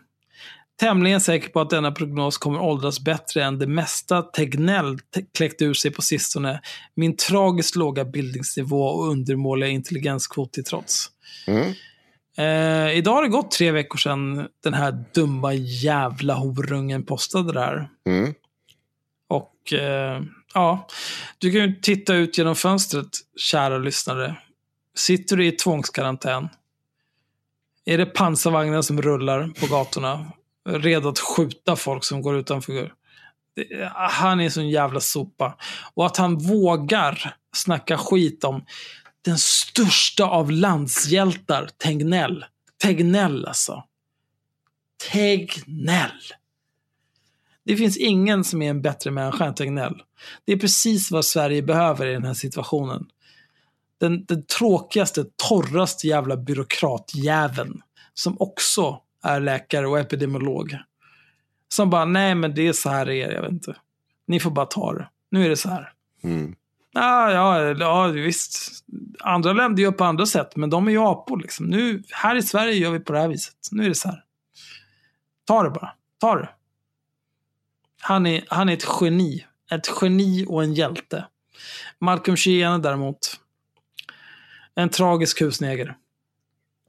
Ja, men innan vi kallar om en tragisk husnegel så kan vi ju kolla vad som händer. Vad det är han säger. Det, det, det Malcolm säger att eh, basically att det kommer bli värre och värre. Sen vill ju han ge sken av, eller tror ju att efter tre veckor här, när vi sitter här idag, så skulle det basically ha varit Mad Max på, dag, på gatorna. Det skulle liksom bara varit eh, Volvo XC60 med spikar ur liksom grillen och någon typ av roterande sak ur fälgarna. Och, ja, ni förstår. Ja, men han, han, han menar ju att ja, vården kommer bli överrumplad. Ja. Det har den väl på sätt och vis blivit. Fast det har de inte. De har inte blivit överlumplade. Vården har inte blivit överrumplad. Jo, men den har ju blivit det på så vis att det fanns inte beredskap för det här. Ja, två saker. På så vis har det- Vården på så har vis inte har den blivit blivit överrumplad. överrumplad. Det. det är ju beredskapssituationen vi har haft i Ah. Sverige. Ja, men det är för fan samma sak. Ja. Jag, Ja. tror- alltså jag skulle säga så här, vården är väl inte mer överrumplad idag än vad den var för tre veckor sedan. Nej. Och, och plus att ni i Ja, Stockholm. men den, vården är ju mer överrumplad idag än vad den var för tre Fast veckor ni sedan. Fan. började ju för typ Vi- två veckor sedan bygga ett jävla Åh fältsjukhus. herregud, tänk om man kunde få tala till punkt din jävla fitta. ja, kör. Det finns inga visir kvar. De sitter och grinar. Den jävla horungen William Hane kunde dra in sina äckliga jävla FFPE2-filter och försöka sälja av dem som det jävla as han är. Mm. FFPE2-filter överlag har blivit godkända trots att det tidigare bara var FFPE3-filter Nej. som var godkända. i. Vadå nej? Nej, det här, det här, nu, det här det stämmer inte. Det som har blivit Nej, det, det, är inte de, det är inte det som har hänt. Okej, det är så ointressant. Men det Säg bästa- vad det är som har hänt då din horunge. Du har rätt i att eh, egentligen basically att vi har haft en dålig beredskap i Sverige. Eh, vi har ju förlitat oss på att det här ska vi kunna köpa in utifrån eh, i, hela världen. Och det tog ju stopp när Nej, men den här det, krisen... det, handlar inte om, det, handlar inte ens om, det handlar inte ens om att vi att kunna köpa in saker. Det har inte funnits tillräckligt med grejer här. Det är det som är beredskap. Inte att vi kan köpa in saker om någonting händer. Beredskap är att ha saker på lager. Jo, jo, men det är ju vår beredskap. Sen vi släppte lagren, sen vi sålde ut apoteken och så vidare. Så har det ju varit precis det. Att vi ska kunna köpa in det här via EU-samarbeten och, och, och und so weiter. Det, det är väl ingenting, mm. är vi oöverens om det? Nå, alltså eh, utförsäljningen av allt det där är ju ett problem. Men det, fann, det var ju en artikel häromdagen med Göran Hägglund. Mm. När han pratade om det där. Och då handlade det om att så, ja, men vi säljer ut allting för att de är borgare och det är det borgare gör. Mm. Men då var det ju också att eh, de, de verk som har behov av saker skulle själva hantera att köpa in eh, beredskapslager. Och så Mm. har det inte gjorts. Och det är klart, det är ju fortfarande de, det är ju Göran Hägglund som var minister som var ansvar, ytterst ansvarig för det. Det är ju fortfarande hans ansvar för att det inte skedde. Mm. Men, jag menar, det, det handlar inte bara om utförsäljningar liksom. Det handlar ju om att Men jag tänker så här, ingen... ska vi mäta hur rätt eller fel Malcolm har så handlar det ju om att han säger att inom tre veckor så kommer vården att ha blivit överrumplad. Mitt, min syn på det är väl att vården, det har ju inte förändrats. Det här, den dåliga beredskapen var ju, såg man ju som ett problem redan för tre veckor sedan. Så det, inget har ju förändrats i eh, överrumplad eh, antyder ju att det liksom skulle bli alla skulle bli så här, åh herregud, vad hände? Men det, det, liksom, det, så var det ju redan då. Ja, men jag håller med.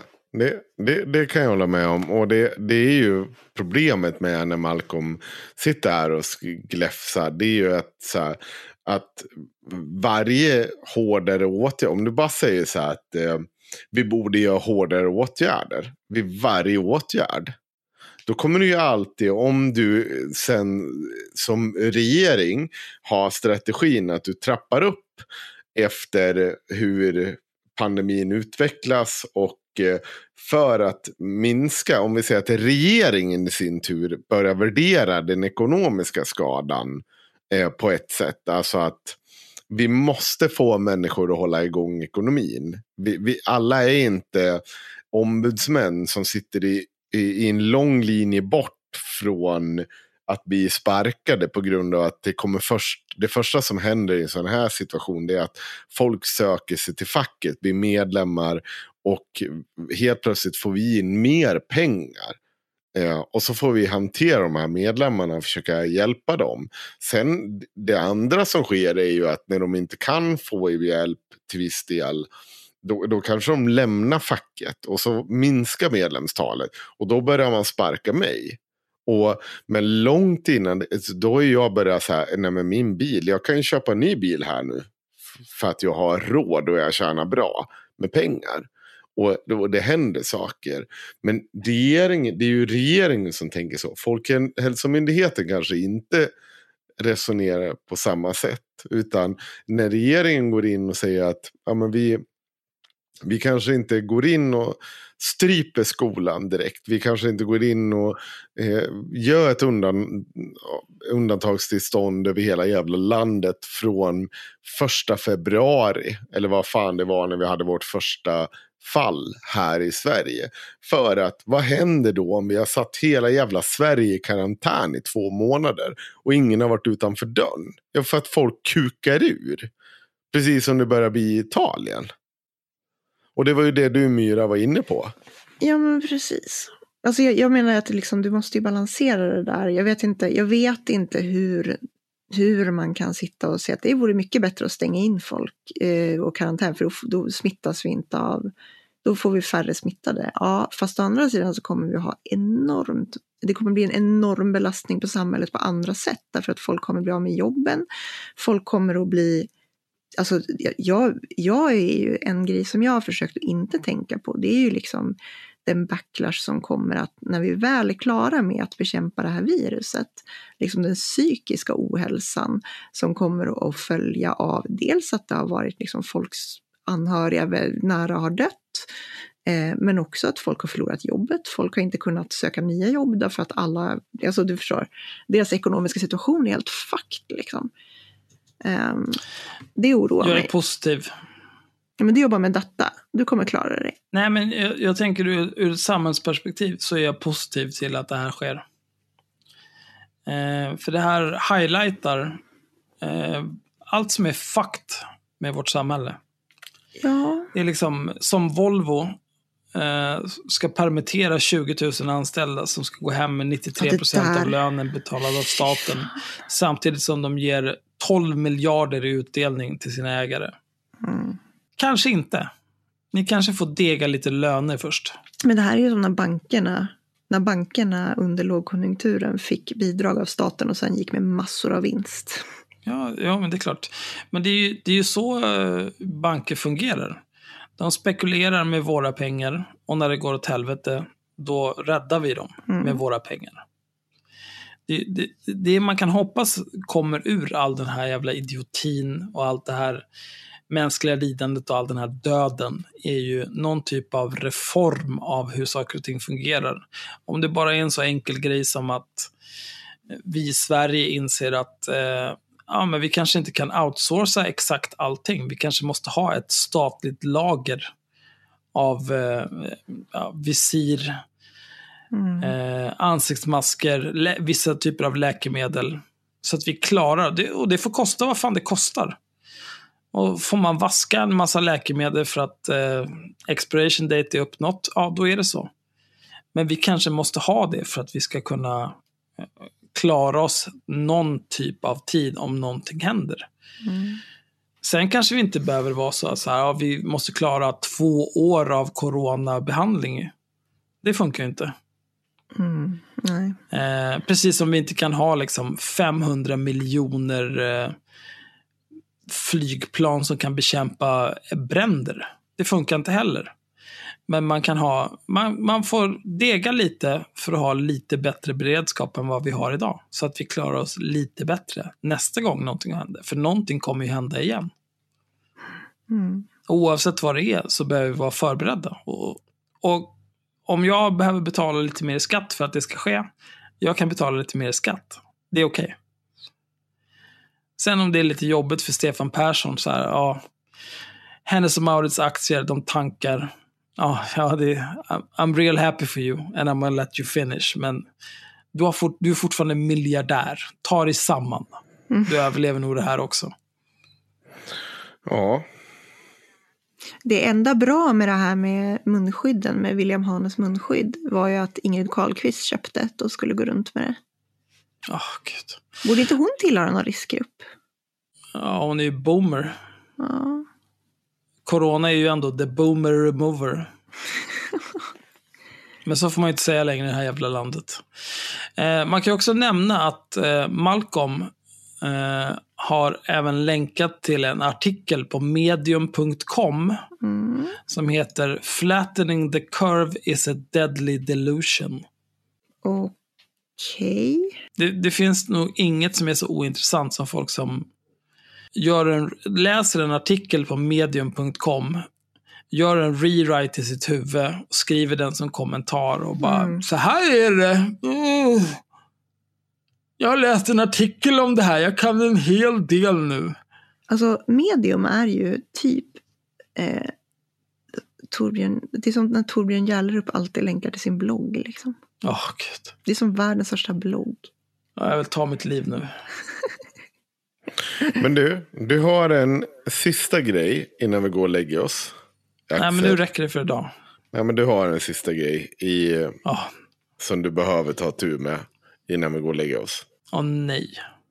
Eh, jag tror att du kan läsa den ganska fort utan att vi gör världens längsta utlägg om det. Men jag tycker Ja. att det är värt att ta upp. För horungar ska få veta att de är horungar.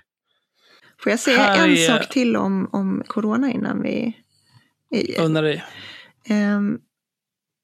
Eh, Johannes Klenell, ehm, det, det, finns, det är liksom lite av en följetong, men Johannes Klenell har skrivit en ganska bra text om eh, hur, hur Sverige i kristider så, blir vi, så litar vi inte på populisterna utan vi vänder oss till nördarna och litar på nördarna och att det är någonting fint och ganska unikt svenskt. Eh, men då har alltså en, en stor dansk dagstidning av sig till honom och ska intervjua honom. Han fattar inte riktigt hur stor den här tidningen är. Han, den är typ, jag kommer inte ihåg, den var jämnstor med DN eller något sånt där. Eh, och de frågar honom, och citatet, jag blir citerad, han säger det, Danmark, jag översätter från danska, Danmark var mycket tidigt ute med att, att stänga gränserna. Men så tänkte vi bara i Sverige att ja, det gör de ju hela tiden. och det är ganska roligt att han blir citerad när han säger det, när han pratar om hur Sverige hanterar coronakrisen. Därför att han inte förstod liksom hur stor tidning det var. I och för sig, vem fan bryr sig om danska tidningar? Det står bara Hitler, Hitler, Hitler i dem ändå. Det var bara det jag ville säga, jag tycker att det är roligt. Jävla u-land. Det är en bra take. Ja, ja, Danmark stänger gränserna, men det gör de jämt ändå. Ja, det är inte osant. Nej. Här är någon typ av eh, skräptext i Nyheter idag. Eh, rubriken Papperslösa, inom citationstecken, kan prioriteras i coronavården före svenska medborgare. Ja, jag kände redan nu att det här kommer bli fabulöst. Ingressen. En illegal invandrare med corona som behöver intensivvård kan komma att prioriteras före en äldre svensk medborgare. Det är innebörden av de prioriteringsprinciper som landets sjukvård använder när allt fler intensivvårdsplatser fylls upp av coronasmittade patienter. Prioriteringsprinciperna säger att vi ska prioritera utifrån medicinska behov och att alla människor har lika värde, säger Thomas Lindén, avdelningschef på Socialstyrelsen. Redan här känner jag att det är färdigt. Vi behöver inte Prioriteringsprinciperna säger att vi ska prioritera utifrån medicinska behov och att alla människor har lika värde. Ja, det här låter ju Färdigt. Det är färdigt. fruktansvärt. Nej, men det är färdigt. Det är färdigt. Men inte för nyheter idag. Förra veckan meddelade Socialstyrelsen att då fanns 526 intensivvårdsplatser i hela landet och att det inte skulle räcka. Regionerna, som har ansvaret för sjukvården i Sverige, arbetar med att utöka antalet platser. Vi kan hamna i ett läge där vi tydligare behöver prioritera, säger Thomas Lindén, avdelningschef på Socialstyrelsen. Nu har Socialstyrelsen tagit fram riktlinjer för hur vårdpersonal i landet ska prioritera om intensivvårdsplatserna inte räcker. Äldre och patienter med dålig hälsa ska då nedprioriteras till förmån för patienter som har bättre chans att överleva. 100% rimligt. Mm. Citat. I samband med en extraordinär resurssituation måste intensivvårdsresurserna däremot reserveras för patienter där intensivvården har stor sannolikhet att bidra till fortsatt överlevnad. Slutcitat. Skriver Socialstyrelsen i en färsk guide. Socialstyrelsen skriver på sin hemsida citat “Regioner är skyldiga att erbjuda vård utifrån den enskildes medicinska behov och i enlighet med de prioriteringsgrunder som gäller inom hälso och sjukvården samt i enlighet med vetenskap och beprövad erfarenhet. Detta gäller alla som vistas i Sverige och som har ett medicinskt behov av vård.” Slutcitat. Väldigt oklart varför den här stycket ens är med. Men okej. Till Nyheter idag säger Thomas Lindén att vårdpersonal inte ska göra prioriteringar utifrån medborgarskap. Prioriteringsprinciperna säger att vi ska prioritera utifrån medicinska behov och att alla människor har lika värde.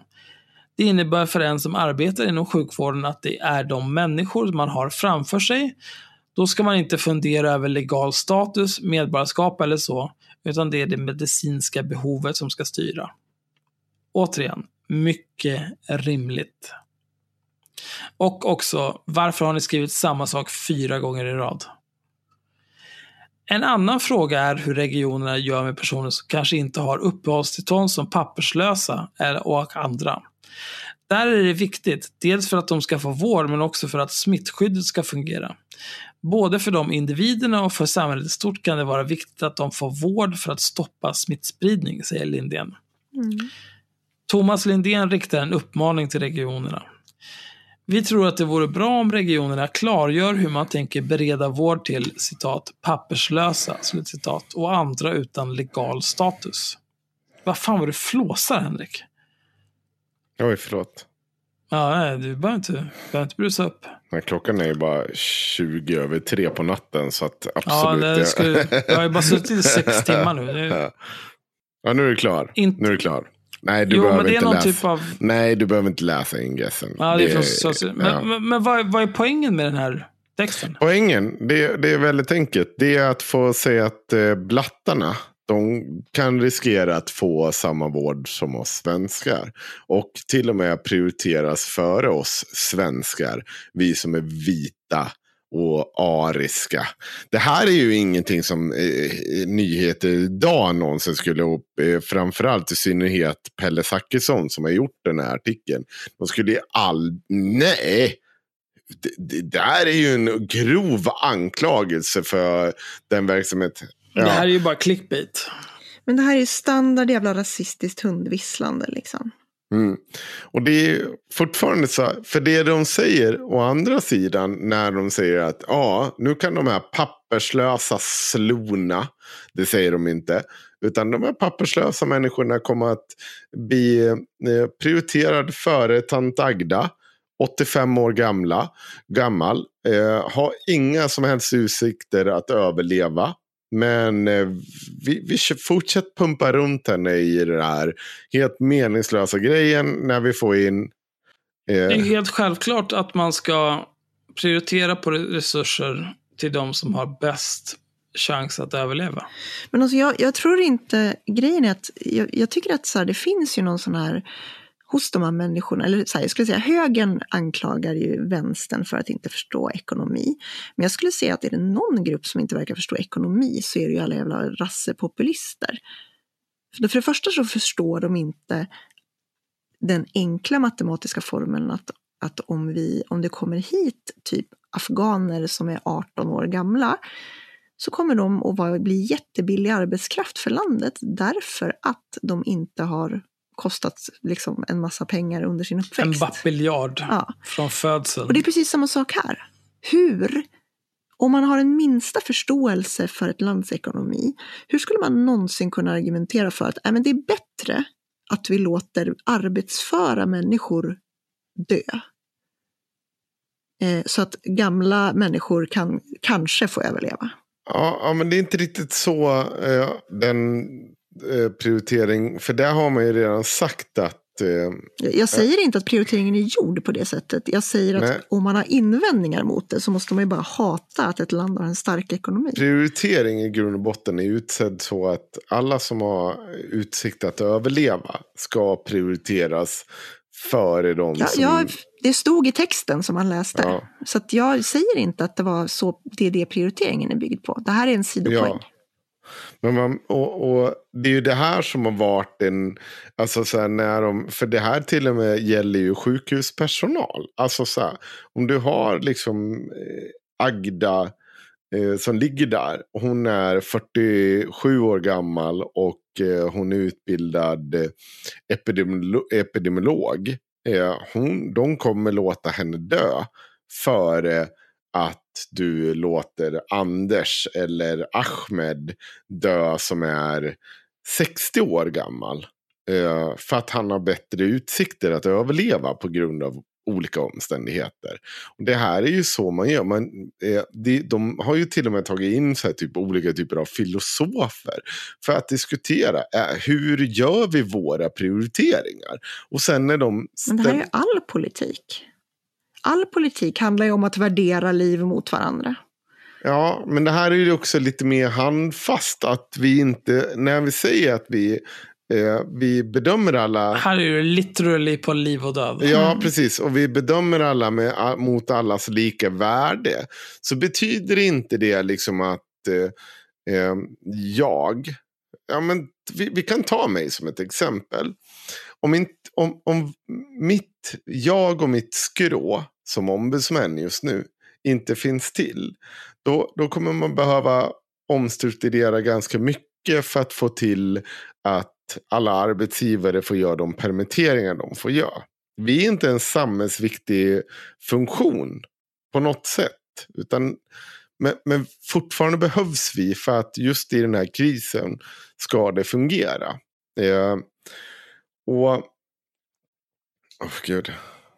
Sossarna skulle ju aldrig låta fackrörelsen nerprioriteras. Jo, men vi är ju det. Vi är ju, det, det, det är inte ett problem. Alltså, så här, alltså det, vi kan ju alltid vi kan ju hävda vår liksom, vikt i att vi behövs.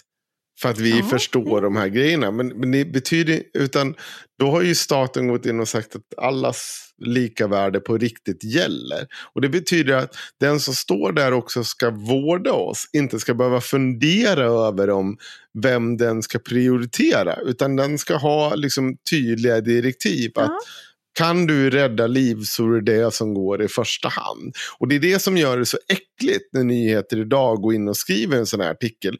För de är inte intresserade av den situationen. De vill få en diskussion om eh, dels då om det är rimligt att vi ska följa allas lika värde. Eller om vi ska säga till den där blatten som kom, råkar snubbla in i det här landet att eh, då ska du, nej men han, han kanske ska dö för tant eh, Görild, hon är, hon är mer värd här i min mening. Och Okej, men då säger det är ju inte du som står med pistolen mot huvudet på de här människorna. Det är ju någon stackars jävla vårdtant som behöver få den här typen av reglering. Så det är det man borde gå till Chang Frick egentligen och bara sätta en pistol mot hans barns huvuden.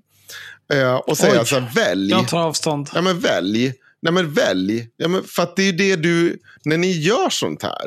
Det är ju det ni säger till andra människor. Välj hur du ska göra. Nu, nej men nu får du bara välja. En av de här kommer skjutas av. Men det är ju rimligt för att de ska ju ändå, någon ska ju skjutas av. Så att du, du får välja. Och det är ju det staten tar ansvar för. Att vi inte håller på med sån här sinnessjuk grej. Men sen kan du ju vara Chang Frick och vara en äcklig jävel som bara gör sånt här och vill ha den här typen av clickbait. Och jag hoppas att folk som lyssnar på det här förstår att jag inte vill skjuta Chang Fricks barn. Utan jag vill att... Ja, det kommer de jättemycket förstå. Nej, det kommer inte göra. De kommer klippa ut den andra delen. Jag skiter i vilket. Men poängen är att, att vi måste ju någonstans... Så här, när vi väl väljer så alltså när vi väl står där med kniven mot strupen. Då är det för, för det första inte den som är läkaren eller den sjuksköterskan som ska bli tvungen. Hon ska ha tydlig, hon eller han ska ha tydliga direktiv om vad som gäller. Och då ska liksom inte, när Ali rullar in där på båren, ska hon inte bara vända blicken bort. Ja, men han är ju, det är bara blatte. Han är inte lika värd. Han kan ju, han kanske är illegal här. Nej men då tar vi Anders, han ligger Alltså här. grejen är att det här, det här är ju, alltså just, det är så smart av dem att, att prata om papperslösa därför att Mm. eh, börjar man prata, börjar man säga så här, det här låter lite rasistiskt, så säger de nej, det handlar om medborgarskap, det handlar om att Ja. vi som har, vi som betalar skatt här, vi har rätt till och så vidare, vilket är ett rimligt argument, to be honest. Om det hade kommit från någon annan än, Nej. än Nej. Jo, det, det, det kan vara ett rimligt argument att säga att människor som har levt sitt liv i, li, levt sitt liv i och betalat in skatt i ett land har vissa förmåner papperslösa inte har.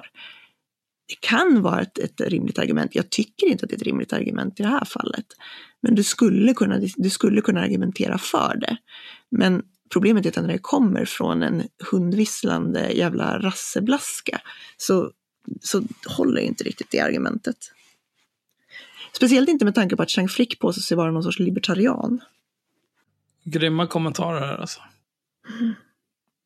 Papperslösa ska inte snylta på vår sjukvård. De ska ut. Bra sagt Leif. Heter han Leif? Ja, han heter Ja, men Leif. då är han nog i någon riskgrupp så honom slipper vi snart. I Sverige är svenskarna en underklass. Tack för det Löfven. Absolut. Jag säger det, de förstår inte ekonomi. De vet inte ens vad underklass betyder. Personer som inte anser rätt att befinna sig i landet bör rimligen inte ha rätt till vård heller. Utropstecken, frågetecken. Är, det- är det en fråga eller ett påstående? Vad håller du på med? Och med det säger vi tack Sieg Heil, Malcolm Sheehan är en hussteger, Nyheter idag är trash, eh, Sverigedemokraterna är fascister. Nina Rung och Peter Rung ska skickas in i solen. Ja, gud, rätt in bara. Nu räcker det. Puss och kram. Hej då. Tack och hej. Ja,